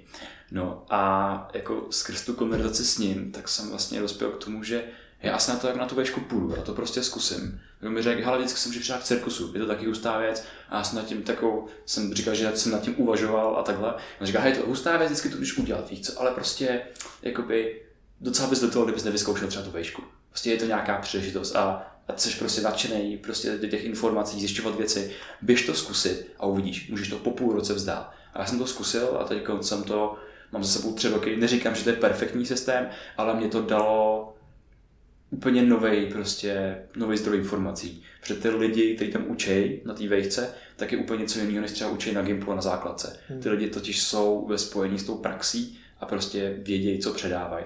No a tak to, to byl tak jako konkrétní stop, který, který mě jakoby naučil čemu takovým. A pak prostě mám spoustu uh, zážitků, že jo, takové jako přátelství. Protože uh, taková ta důvěra v lidi, který potkáš náhodou, tak uh, že jo, je z nás nějakým způsobem vymícená během toho, jako co dospíváme možná. Během toho, když konzumuješ média a, a jak je svět špatný, kde koho prostě kde co vybouchlo, kde koho zabili a podobně, tak prostě měl jsem před lidmi velký respekt a, a neměl jsem jakoby nějaký strach, ale měl jsem před tím respekt a nevěděl jsem, jestli můžu důvěřovat nějak dlouhodobě. Vždycky jsem zatím hledal něco jako za. A prostě postupně, jak ty lidi šli, jak jsem je potkával, tak jsem potkával čím dál, čím dál upřímnější lidi. A prostě to, že jsem pak seděl uh, na pláži někde v Chorvatsku s týpkem, který znám dvě hodiny a sdílíme vlastně úplně do hloubky, jako ten shit, který se nám odehrává v hlavě, tak najednou jsem jakoby v tom našel mega porozumění. A do dneška jsem s tím uh, klukem kamarád, s tím za ním občas do Vídně, do jeho bytu, teď se tak lítá po světě. a, a moc mě to baví. A moc mě baví i to, že najednou máš přátele. Jakoby nejenom v Praze, tam, kde jsi se jako narodil, ale fakt víš, že jedeš třeba na náhodnou dovolenou, nevím, do Burgasu, a najednou zjistíš, že tam máš prostě kamarády, no ty, to je hustý, prostě můžeme se tam potkat s těmi lidma. Hmm. A je to takový jako ojedinělý, protože ty lidi nevidíš každý den. A prostě ten vztah je to jako úplně jiný. Mě to hodně baví. No. Mě fascinuje u těch náhodných setkání, jak jsme často jako schopní a ochotní se odevřít mnohem víc, mm-hmm. než často jako lidem blízko kolem sebe. Jo, je, to, je to zajímavý fenomén, se se o tom už jako několikrát bavili s, s pár cestovatelema, proč se tohle děje. Jeden z těch faktorů je možná to, že pořád máme v hlavě to, že vlastně se vidíme na dvě hodiny a už možná se nikdy v životě neuvidíme. A rozhodně ty přece neznáš žádný moje kamarády, nemohl bys to jako nikomu vykecat. Mm-hmm. Jo, takže najednou se lidi jako mnohem víc otvírá. Je to fakt hustý, to je jako to souhlas tady s tím, co se jako během dvou hodin, kam si často je schopná ta konverzace dostat. Jako to je úplná bomba, to je přesně ono, že ty máš nějakou sociální roli, masku a takhle, a když vezmeš toho stopaře a ten stopař, stopař o tobě vůbec nic neví. Hmm. A mě takhle jeden týpek, jeden, z eh, jsem se stoupnul v Gdaňsku, tak mi pouštěl jeho uh, hudbu, jeho nahraný album, který nahrál potají a nikdy ho nikdy nevydal, protože se styděl, co by na to jeho, řekli jeho kámoši, programátoři a, a námořníci a tak dál. A to byla tak superová hudba, že prostě to byla jako bomba. A ten stop tak pro mě byl taky special v tom, že já jsem 8 hodin v autě s člověkem, kterým jsem celou dobu neviděl do obličeje, protože on seděl na přední, na přední sedačce dodávky a já úplně vzadu a jako od začátku jsem do té dodávky vlastně naskočil. A povídali jsme si tak moc do hloubky, vzniklo tam tak jako přátelství během těch 8 hodin, co jsme jeli do Berlína, že pak mě hrozně překvapilo, jak vypadal. když, když, jsme vystoupili, jsme, jsme se loučili a najednou vidíš toho člověka a říkáš, wow, to je hustý. Tak jsem si nepředstavoval. a s tím no. tím jako souzním, no, že lidi jsou pak ochotní daleko víc sdílet, se daleko víc otevřít. A, a proto je tak těžké jako i to loučení. No. Vy vlastně máte podcast primárně o tom, jak funguje lidský mozek, což výsledku ovlivní úplně všechno, takže to může být podcast o čemkoliv, což mm-hmm. je mhm. úplně ideální, gratuluju. yes, Ale pojďme se zastavit trošku u toho mozku. Ty jsi tady zmínil, Vojto, dopaminovou optimalizaci při cestování. Mm-hmm. Což mě hrozně jako nadchlo, říkám, co to je dopaminová optimalizace, sakra, to jako, obecně dopamin je velice zajímavý téma, je, je, je. o kterém si myslím, že by se v dnešní době závislosti na sociálních sítích a telefonech a dalších zařízení mělo mluvit mnohem víc. Je. Ale to, spojení s cestováním mě nikdy jako nenapadlo, jo. tak mě zajímá, co, co si pod tím představit. Jo, uh, vlastně to, co jsi zmínil, je krásný příklad sociální sítě.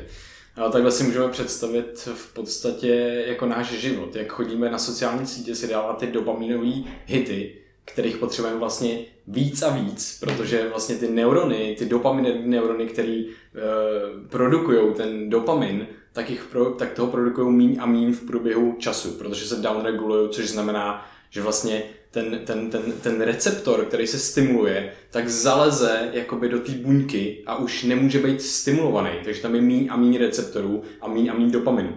A tímhle způsobem ale funguje i náš život. Proto když máme novou práci, tak jsme nadšení do té nové práce a něco děláme. Proto když ty děláš nějaký projekt, tak tě baví, když tě někam posouvá a najednou pak zjistíš, že už mě tolik nebaví, už mě tolik neposouvá, tak to může být ale můžeme jenom nějak vysvětlit, hmm. co vlastně dopamin je, jak souvisí třeba s dalšíma, jako souvisí s serotoninem, hmm, hmm. souvisí s oxytocinem? Jo, tak dopamin je jeden z neurotransmiterů, což je molekula, která přenáší informace mezi neuronama, mezi synapsama, což jsou neuronální spoje a vlastně hraje roli v, v motivaci a v odměně. To jsou ty dvě hlavní role. Proto uh, drogy, které působí přes do, právě dopaminergní receptory, tak na nich se může být velice eh, jednoduše závislý. Takže proto jsme závislí právě na sociálních sítích a na těch dopaminových hitech. Jo. Přičemž reálně je to tak, že dopamin se vyplaví třeba v momentě, kdy dostaneme like. Hmm. Přesně tak, přesně ne, tak. Nebo komentář, ale to je super fotka. Jo, jo, jo.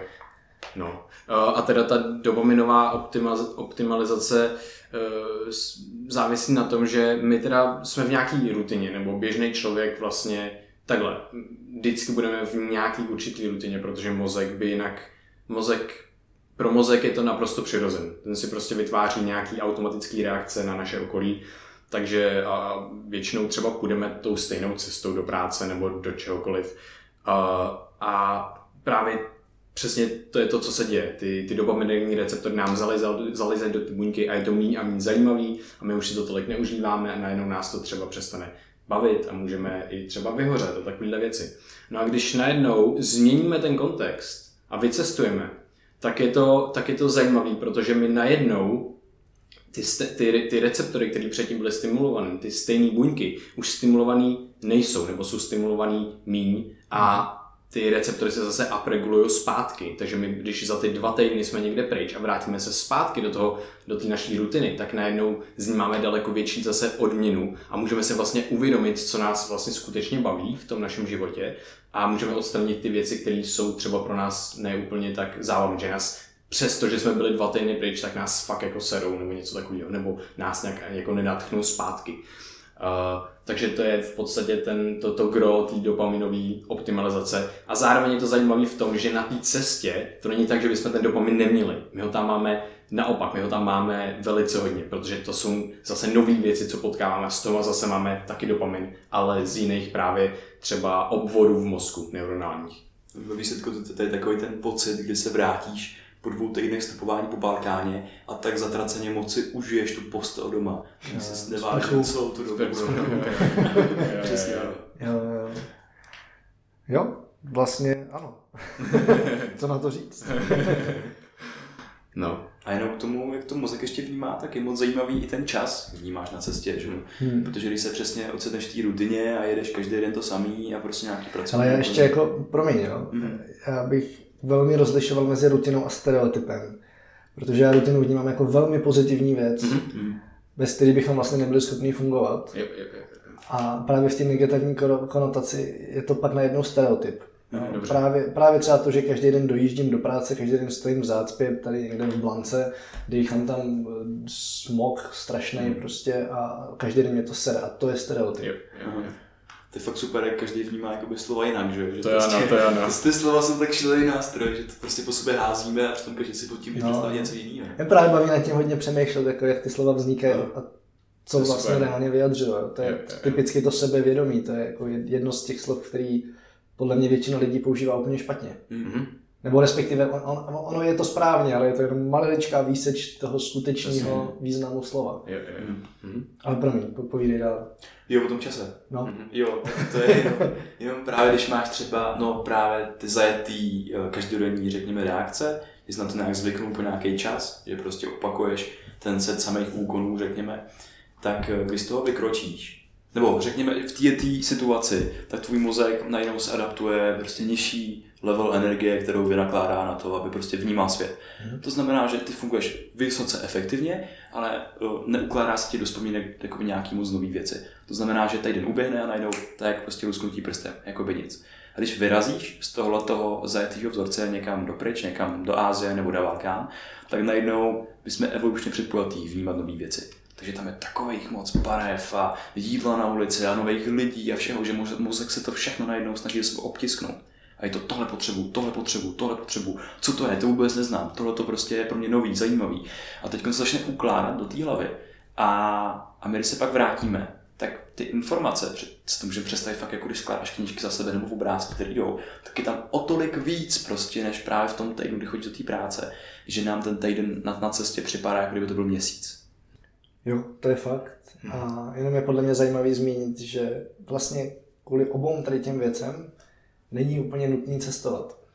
Mm-hmm. Že to je jako dnešní takový velký trend řešit svoje problémy cestováním, což je hrozný nesmysl. To je jako samozřejmě prostě cestování vaše problémy nevyřeší. Ono může dát jinou perspektivu, ono může dát třeba setkání, které vás někam posunou, ale vždycky ty problémy si musí každý vyřešit sám za sebe mm, a často lidi tím cestováním jenom utíkají mm.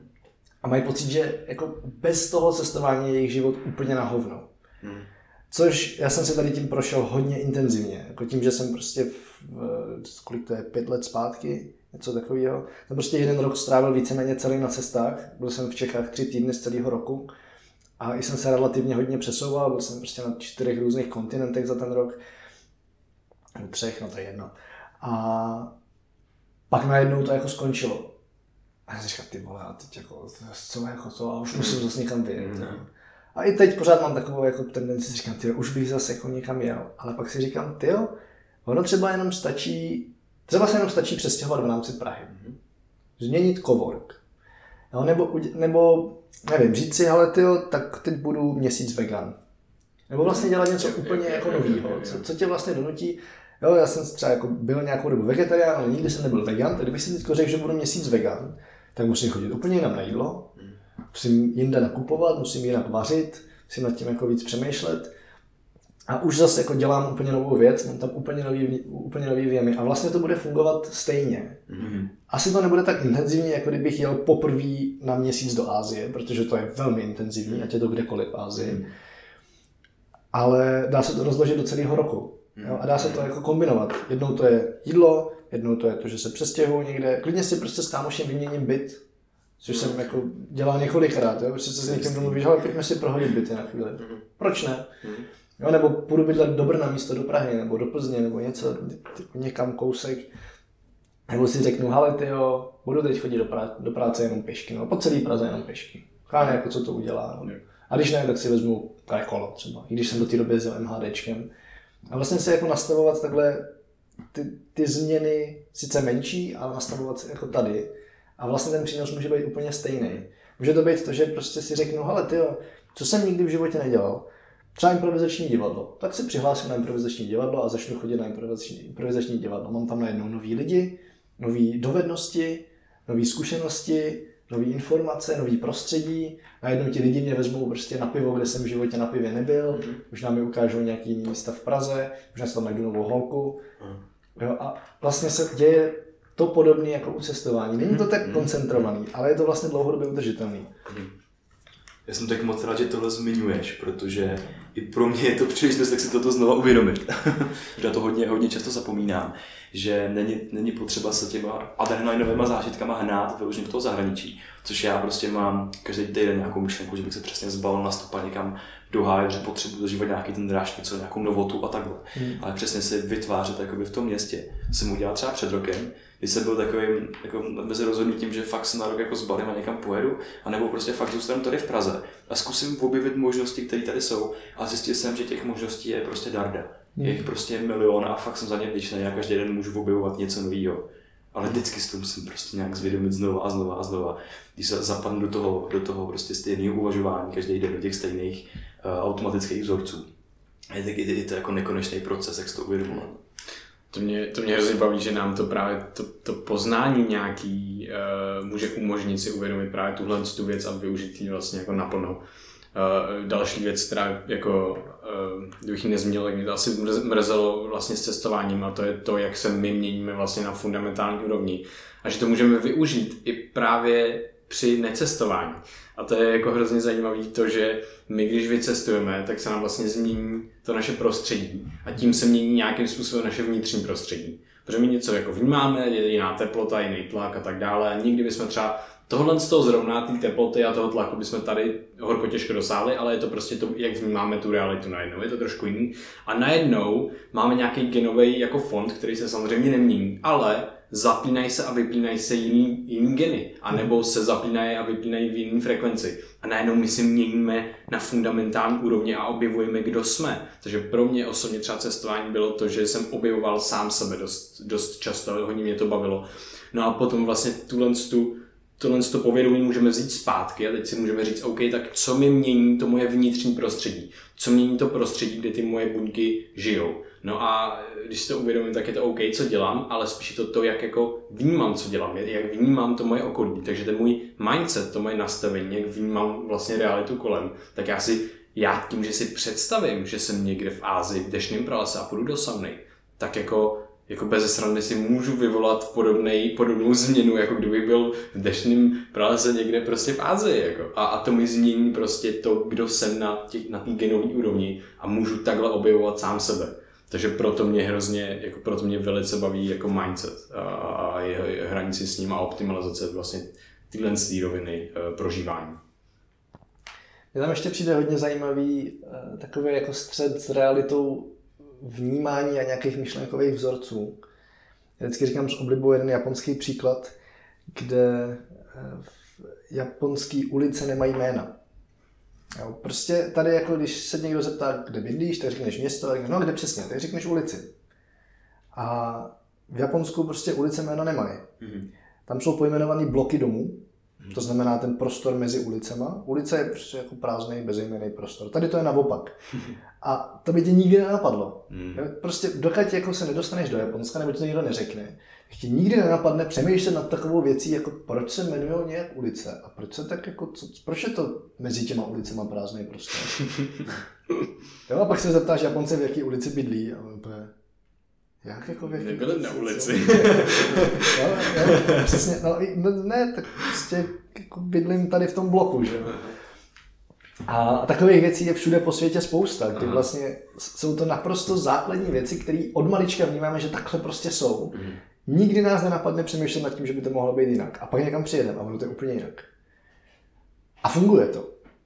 Jo, jako měl jsem třeba velmi zajímavou a velmi nepříjemnou debatu ve Větnamu s jedním člověkem, který tam přijel úplně jako čerstvě, já už jsem tam byl asi dva a půl měsíce. A on strašně říkal, jak tam jako nefunguje doprava, jak tam jako se nedá chodit a nic. Přitom za mě osobně doprava ve Větnamu, jako co se týče řízení, je jedna z nejbezpečnějších na světě. pokud teda neřídím vožrali, to je jakoby takový detail. Ale jinak, jinak prostě ona je tak strašně moc jiná, že běžnému Evropanovi, Evropanovi přijde úplně strašná. Mm-hmm. Jo, že tam to, co se tam jako na těch ulicích děje, to je nepředstavitelný. A dali by se o tom natáčet mnoha hodinový filmy a nepřestali by vás bavit. Ale vlastně jako on jak tam přijel nově, tak pro něj to byl totální chaos, totálně to jako nefungovalo. Nemohl přecházet, protože mu nikdo nezastavil. Eh, nebyly tam chodníky, ne, nevím prostě co všechno. A tak to jako říkal, tady to nefunguje. A já říkám, hele, ale jim to funguje. A stačí se tomu přizpůsobit a funguje to i tobě. Najednou zjistí, že prostě přechází stylem, že se prostě pomalu rozejdeš a oni tě objedou. Mm. Nesmíš se zastavit, nesmíš se rozběhnout, to by byl konec, ale prostě jdeš a oni tě objedou. Mm. Úplně Konstantní rychlostí. Konstantní rychlostí, předvídatelně, ale ty lidi dávají kolem sebe pozor. Není jako, že by nedávali pozor. Naopak. Jo, a to, že prostě na křižovatce nemá nikdo přednost, ale všichni zpomalí na rychlost schůze a nějak se to jako prolne a najednou si na druhé straně, tak nám tady přijde úplně strašný, ale hmm. tam to prostě funguje. A mám pocit, že tohle ti může dát do života hrozně moc, právě tady to jako poznávání, nebo vlastně rozbourávání těch věcí, které takhle přece jsou. Jo, ty pravidla prostě. Pra... A to ani ne, to, to není pravidlo. To, no, to, to jsou jako, tvoje pravidla, že jo? No, to jsou nějaké jako společenské vzorce, které my tady takhle máme. Hmm. Ale proč by to nemohlo být jinak? Jo? A pak, pak ti prostě někdo řekne, ale musíme odvodňovat pole, protože takhle to přece je. A v ten moment je tam okamžitě jako červený majer. Říkám, jak jako takhle to přece je? Není tady nějaký jako jiný úplně řešení? Nebylo tady třeba už dávno předtím? No, jako nejde to nějak jako udělat. A v tomhle si myslím, že cestování je úplně jako ultra obohacující, hmm. protože tě najednou právě nastavuje ten, tady ten mindset, že to přece může být jinak. Mm-hmm. Protože tam to jinak bylo. Mm-hmm. Mě by asi zajímalo uh, nějaký jako filozofičtější témata. Je filozoficky odumře noha za chvilku, pardon. To je super. oh. jak, jak, co, co, možná, možná začnu, co je pro tebe, ne co je, ale co přímo jako pro tebe je teď momentálně smysl tvýho života? Možná se nám to už jako nastínilo, jestli to dokážeš eh, jako přímo pojmenovat. Co je smysl života? Já nevím. Hmm. A, a, ani tvůj teďka, co tě, prostě třeba co tě baví, co tě drivuje, co teďka ti dává smysl prostě. To je to, co jsem už říkal. Jo, jo, jo. Tvořit něco, co buď někam posouvá mě, nebo dává mm-hmm. smysl mě, anebo ideálně to zároveň pomáhá dalším lidem, nebo mm-hmm. třeba budoucím generacím, nebo mm-hmm. něco takového. Mm-hmm. Nevím, asi si možná moc věřím, že by něco pomáhalo budoucím generacím, ale kdo ví. Jo? No, musí, musí tam být nějaký jako příjemce toho, co dělám. Hmm. Nemůžu něco dělat jenom proto, aby se to dělalo. Jo. No, no aktuálně cokoliv děláš, jo, cokoliv kdo konzumuje, to ovlivňuje budoucí generace, vždycky to ovlivní někoho, jo. prostě čus. Jo. A možná si to jenom mluvám. Je to, je, ale tak, ale tak to, to, to nějaký ovlivnění je nevyhnutelný vlastně. Právě. A řekněme, že ano. řekněme, že ano. Já si teda jako pořád myslím, že mnohem víc eh, dokážu člověka ovlivnit tím, že se s ním osobně budu o něčem bavit. Mm, jasně. A nebo třeba jenom tím, že ho budu naslouchat, mm-hmm. což je jedna z mých dalších silných stránek. Prostě, možná to jako souvisí s tím stopem vlastně, mm-hmm. že jsem taky fakt jako nastopoval dost a tam musíš umět naslouchat. Mm. Dobrý point. Tak možná, že, možná, že jako tahle věc může člověku změnit život mnohem víc, než to, že nějaký tvoje video uvidí 100 000 lidí. Jasně. Já jsem k tomu jako velmi skeptický, i když tím v podstatě žiju. Naštěstí, nebo ne, nevím jestli naštěstí, ale to jako neživí, jo, takže mm. si vlastně můžu dělat ze všech influencerů srandu a, mm. a můžu to hodně celý rozbourávat.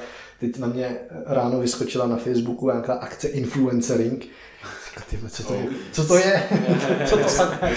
What Že, jo? že prostě dětská jsou prostě na nějaký tábory, nebo se učí být influencerem, nebo něco takového, youtuberem. To je jako úplně crazy. Je to crazy, no. Ale to je právě to, že tady jsou ty sociální sítě a všemožní nástroje, s kterými máme problém, ať už dopaminem a takové věci, ale prostě můžeš být ten, který na ty sítě, protože ty už jsou bezprostřední součástí našeho života, dává v obsah, který někomu může pomoct. Jasně, vždycky to bude takový to prostě překnutí, že částečně působíš informační chaos, trošičku tomu přispíváš víc, ale prostě můžeš zase to usměrnit jako jiným způsobem. Protože já vnímám, že ty, ty věci jsou fakt součástí našeho života mm. a my se prostě buď je můžeme úplně odstřihnout, anebo se je musíme naučit využívat. Přesně. No. A můžeme to použít jako neskutečný nástroj. Hmm. A můžu si z nich dělat srandu. A můžu, taky. můžu dělat srandu ze všeho. To je, uh, no, napovídej. Jo, ještě uh, jsem si vzpomněl jednu otázku, kterou jsem měl při, dřív, tak to bylo, uh, ty jsi vlastně dělal marketing přes právě sociální sítě. Proč, můžeš nám povědět, proč jsou uživatelé v nevýhodě vůči, vůči těm marketérům vlastně? Ale já ani nevím, jestli vůči marketérům. Uh, no, tak... oni, jsou, oni jsou v extrémní nevýhodě vůči těm samotným sociálním. A já bych ani nemluvil pouze o sociálních sítích. Já bych mluvil... Hmm. To může být jídlo, že? Může to být trochu možná, ale, ale můžou to být třeba telefony, jo. který jsou stejně jako ty sociální sítě designovaný tak, aby na nich člověk trávil co nejvíc času. Aby ti vzali co nejvíc pozornosti, aby si s tím vytvořil nějaký emoční vztah. Hmm. Je to velmi výhodný pro ty firmy, které to dělají, ať už je to Facebook, ať už je to Apple, ať už je to Google, ať už je to Huawei, to je úplně jedno. Pro ně je prostě velmi výhodný, aby pro tebe ten buď ten prostor virtuální, anebo ta věc měla nějaký emoční, jako emoční náboj, a zase zároveň, aby ti uměla spouštět dopaminové centra. Mm-hmm. Tak na ní vzniká ta závislost. A já si myslím, že my jako uživatelé v podstatě nemáme šanci se tomu bránit. A těž, je to těžké nějak jako moderovat, jo? Jako, že si říct, budu tam, ale jenom trochu. Yeah. Protože jako všechny tady ty firmy zaměstnávají nejlepší světové psychologi a designéry, mm. aby byli schopni to prostředí udělat tak, aby přesně takhle fungovalo, mm. působilo na náš mozek. A my třeba trošku víme, jak funguje náš mozek. Jo? Jako my se tím zabýváme, nás to baví a asi jsme schopni trošku pozorovat, co třeba tady ty věci s námi dělají. Ale jako běžný uživatel, když se řekne dopamin, proto jsem to chtěl vysvětlit, jako i třeba naši posluchači, když se řekne dopamin, tak si často vůbec nic nepředstaví. Nebo si představí, jo, to je to špatný něco. Což je blbost. Jako hmm. dopamin je dost nezbytná součást fungování našeho nervového systému. A právě proto si myslím, že se tomu fakt jako ty uživatelé nemají šanci bránit. A byl to i důvod, proč jsem to celý přestal dělat, protože jako moje práce bylo pomáhat firmám dělat co nejefektivnější reklamy na Facebooku a pak v průběhu i na Instagramu. A já jsem si uvědomil, že vlastně jako největší profit z toho nemají ty klienti, který jsem si dost pečlivě vybíral. Já jsem fakt jako dělal jenom pro klienty, kde jsem viděl nějaký smysluplný produkt a jako dobrý nastavení se zaměstnancema, nějaký jako další rozvoj té firmy a společenská zodpovědnost, ekologická zodpovědnost. Vždycky jsem to tam jako měl v hlavě, když jsem přijímal nebo odmítal klienta. Ale pak mi došlo, že největší profit z toho má ten Facebook, hmm. ne oni. Říkal, to já vlastně jako nechci, nechci podporovat Facebook.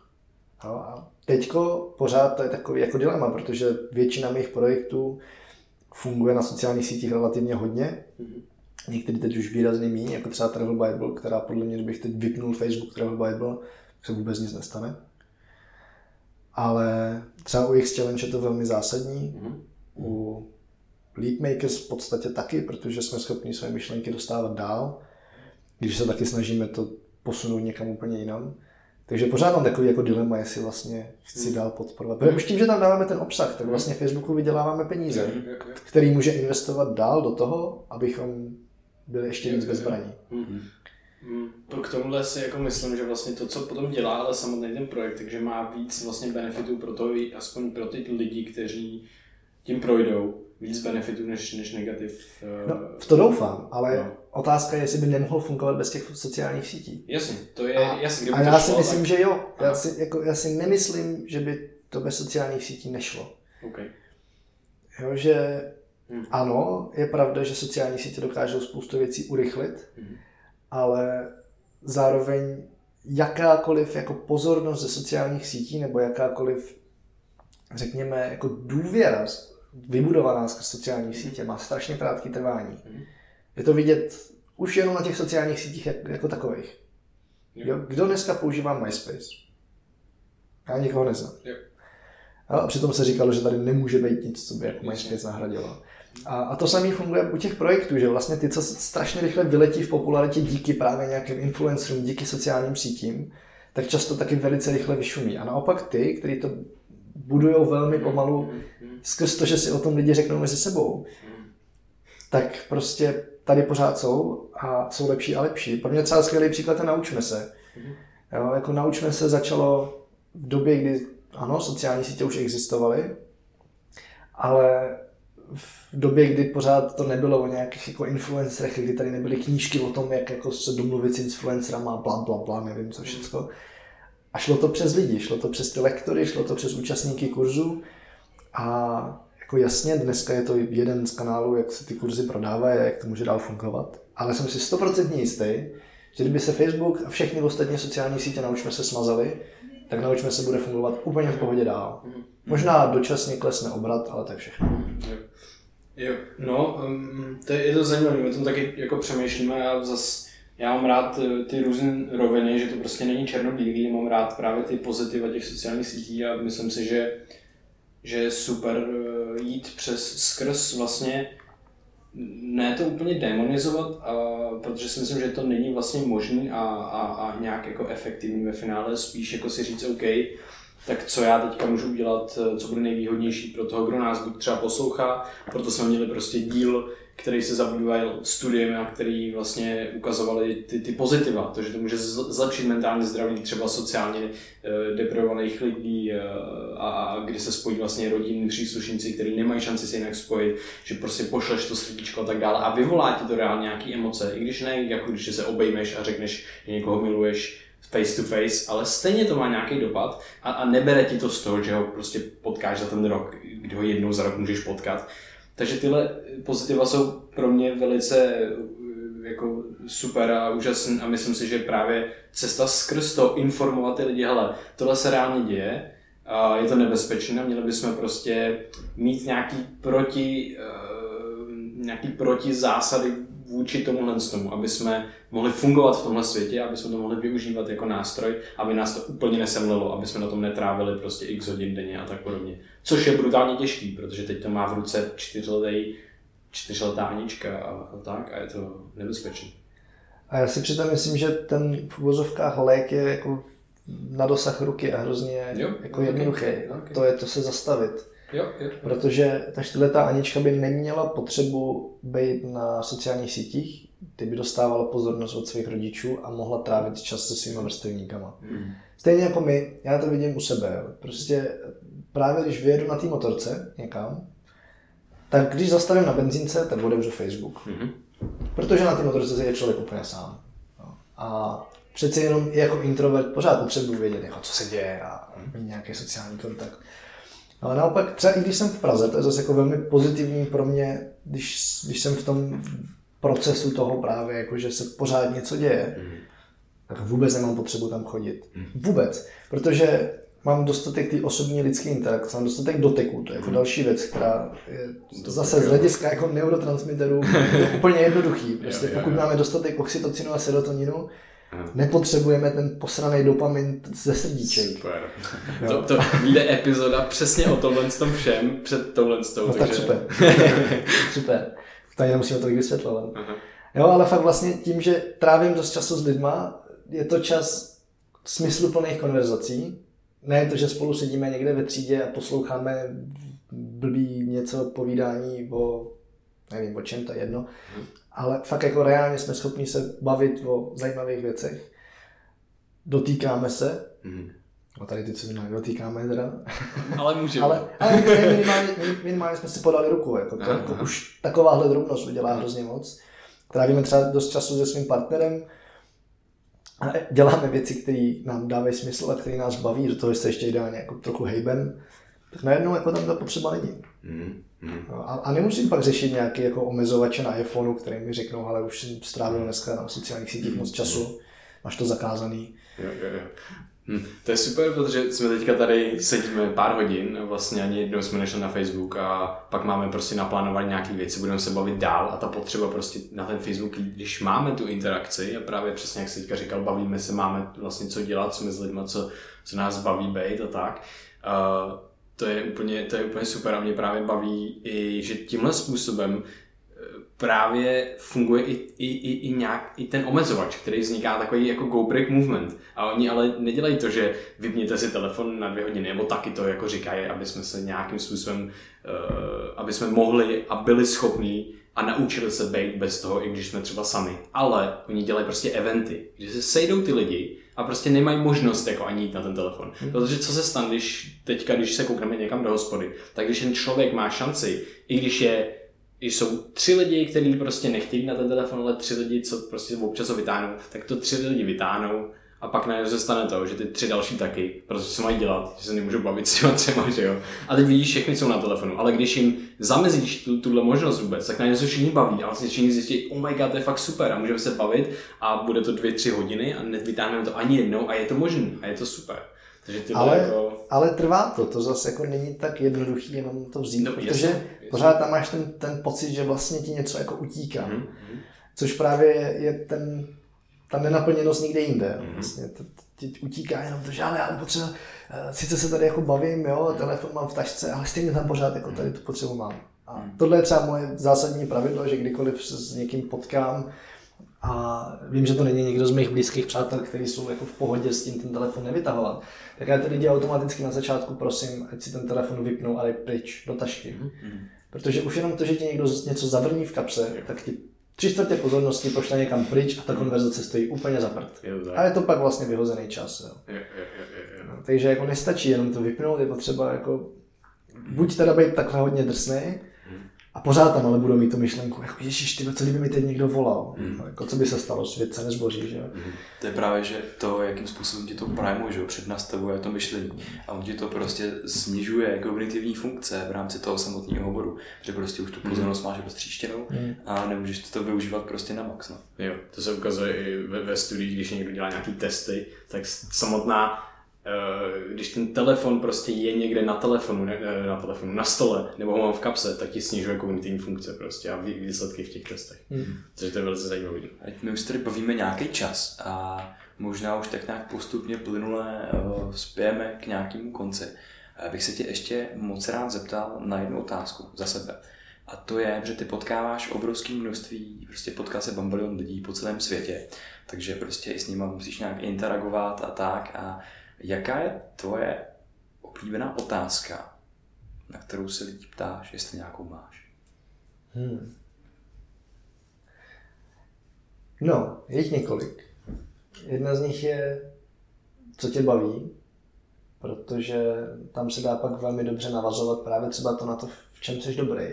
A hlavně pokud vím, co toho člověka baví, tak můžu dál jako rozvíjet svoji zvědavost. Můžu prostě navazovat na nějakou konkrétní věc a ten člověk se snadno rozpovídá. Mm.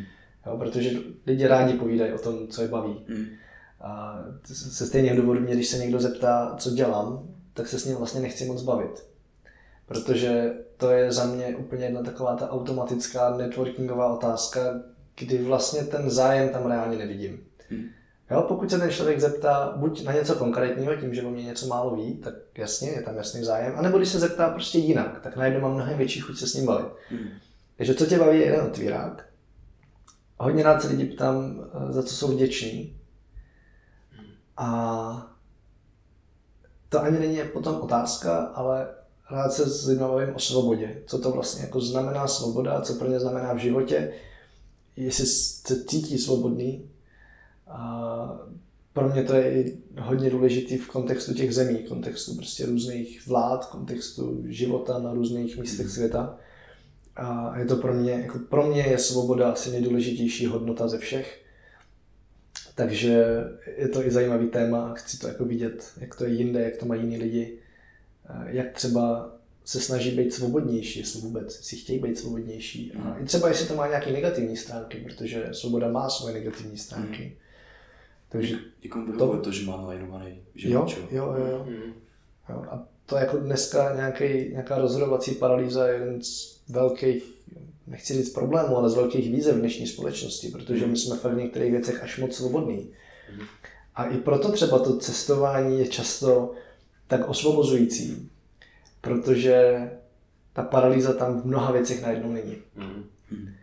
Jo, najednou prostě, hele, vím, že musím jet tady tím autobusem tam a tam, abych se tam dostal. A tam potřebuju sehnat bydlení, potřebuju se najíst a chci se podívat na ty zajímavé místa. A neřeším prostě, jestli půjdu s Karlem na pivo, nebo jestli půjdu tamhle s tou holkou na rande a tamhle to, to, to. A teď jako co mám vlastně dělat a ve výsledku zůstanu sedět doma, protože právě si nedokážu rozhodnout. Mm-hmm. Tak na té cestě mi to vlastně jakoby lineuje ta cesta, obzvlášť pokud tomu nechám volný průběh, pokud to nemám jako naplánovaný úplně přesně krok po kroku, kde mě pak stresuje každý ten krok, který se neuskuteční nebo, nebo nevíde podle potřeb. Ale jsem, jsem jako punkově otevřený tomu, co se bude dít, tak fakt jako reálně řeším, kde budu spát, co budu jíst a co chci jako vidět nebo co chci zažít a jak se dostanu na to místo. To je celý. Nic víc prostě neřeším. Hmm. Jo. Máš něco? Já, eh, teď jsem to zapomněl, ale něco jsem ještě měl. Jo, eh, vlastně mluvíme o tom zastavování se. Eh, jaký jsou teda tvoje typy nebo taktiky na toho se zastavit, nebo prostě jenom jdeš a zastavíš se a uvědomíš si, co se děje a to všechno? Já nevím, jestli to jsou nějaké typy a taktiky. Spíš, jako, spíš prostě si to uvědomovat a často si připomínat, že to je potřeba. A často si připomínat, co se děje, když to neudělám. Jo, jo, jo. Takže spíš to není, že prostě třeba si jdeš meditovat nebo něco, ale spíš je to prostě v tom každodenním životě, že ti přijde ta myšlenka a uvědomění. Jo. OK, super. Jo. A pro mě je to jako hodně tam fajn třeba cesta vlakem. To je pro mě taková jako meditace. Hmm. Je to zároveň výborný pracovní prostředí, ale právě to jako to pomalý pracovní prostředí, kde jako nemůžu na nic moc reagovat. A zároveň prostě, jak je tam ten motiv jako cesty, toho, jak to ubíhá, ještě to jako časově ohraničený, tak to je pro mě ku podivu vlastně se jako hejbu, ale, ale je to to zastavení. A úplně největší zastavení je pro mě dlouhý let. Jo, sice jako vím, že to není vůbec ekologický a je to další moje taková jako vnitřní, vnitřní spor, ale já úplně zbožňuji dlouhý lety. Spousta lidí nenávidí, ale pro mě prostě let 6 hodin plus je úplně dokonalá příležitost k tomu se fakt jako hodně zastavit a jít do hloubky ve věcech, kterých jsem, ne, že bych na to neměl čas, ten čas prostě, lidi si furt myslí, jak jsem hrozně busy a všichni o sobě tvrdí, jak jsou busy a to, to je jako blbost prostě, ten čas je o tom, jak si ho uděláme, jako pokud prostě chci mít čas, tak ho mám. A u mě to tak reálně naštěstí funguje. Jako když chci si na někoho udělat čas, si na tři hodiny potkáme v průběhu pracovního týdne, jsem s tím úplně v pohodě. To, co jsem chtěl říct, tak na tom letu je v podstatě jako často jediný místo, kde si třeba dělám svoji, tomu říkám jako reality check. Používám k tomu za první analýzu 80 na 20 od Tima Ferise, tam, tam není od něj, ale jako mám to od něj. A plus další docela jako velkou sadu otázek a zpětně se koukám na uplynulý většinou půl rok, čtvrt rok až půl rok, co se vlastně jako událo, co se mohlo udát líp, proč se ty věci děly a jak se třeba posunuly moje hodnoty, co jsem se naučil, co, co jsem chtěl a neudělal a proč. A ten dlouhý let je v tomhle úplně geniální, protože tam prostě není internet, není tam co dělat, není se tam člověk ani hejbat, koukat z okna jako chvíli nuda. Jako na hodinu je to super, ale na 6 hodin už ještě letíš nad oceánem nebo v noci. Do toho si dám pár drinků, všechno je o mě postaráno, nemusím vlastně jako nic řešit. A to je jako skvělý. No. Tak jo, super. Matouši, my ti moc děkujeme za tvůj čas a za to, co jsem tady povídal. Já děkuju za váš. Je to dlouhé, ale... Jo, jo. Ale ještě, kde tě, kde tě najdou? A co máš v plánu teďka v budoucnu? Máš nějakou přednášku? A máš něco, kde tě můžou lidi sledovat a, a, a tak? Jo, určitě nejlepší způsob, jak mě sledovat, je podcast Travel Bible, podcast Leap Makers, který je ale v rámci kanálu Rozhovory, rozhovory z Česka od Red Bull CZ. A potom i Forbidden Talks, až teď brzy vzniknou. A potom jako v reálném životě, tam se potkat v coworkingu K10 na Vinohradech, když jsem v Praze, tak jsem tam dost často a rád si pokecám na dobrým kafi, na dobrým jídle, na dobrým drinku. A když už jako online, tak asi nejvíc na Facebooku.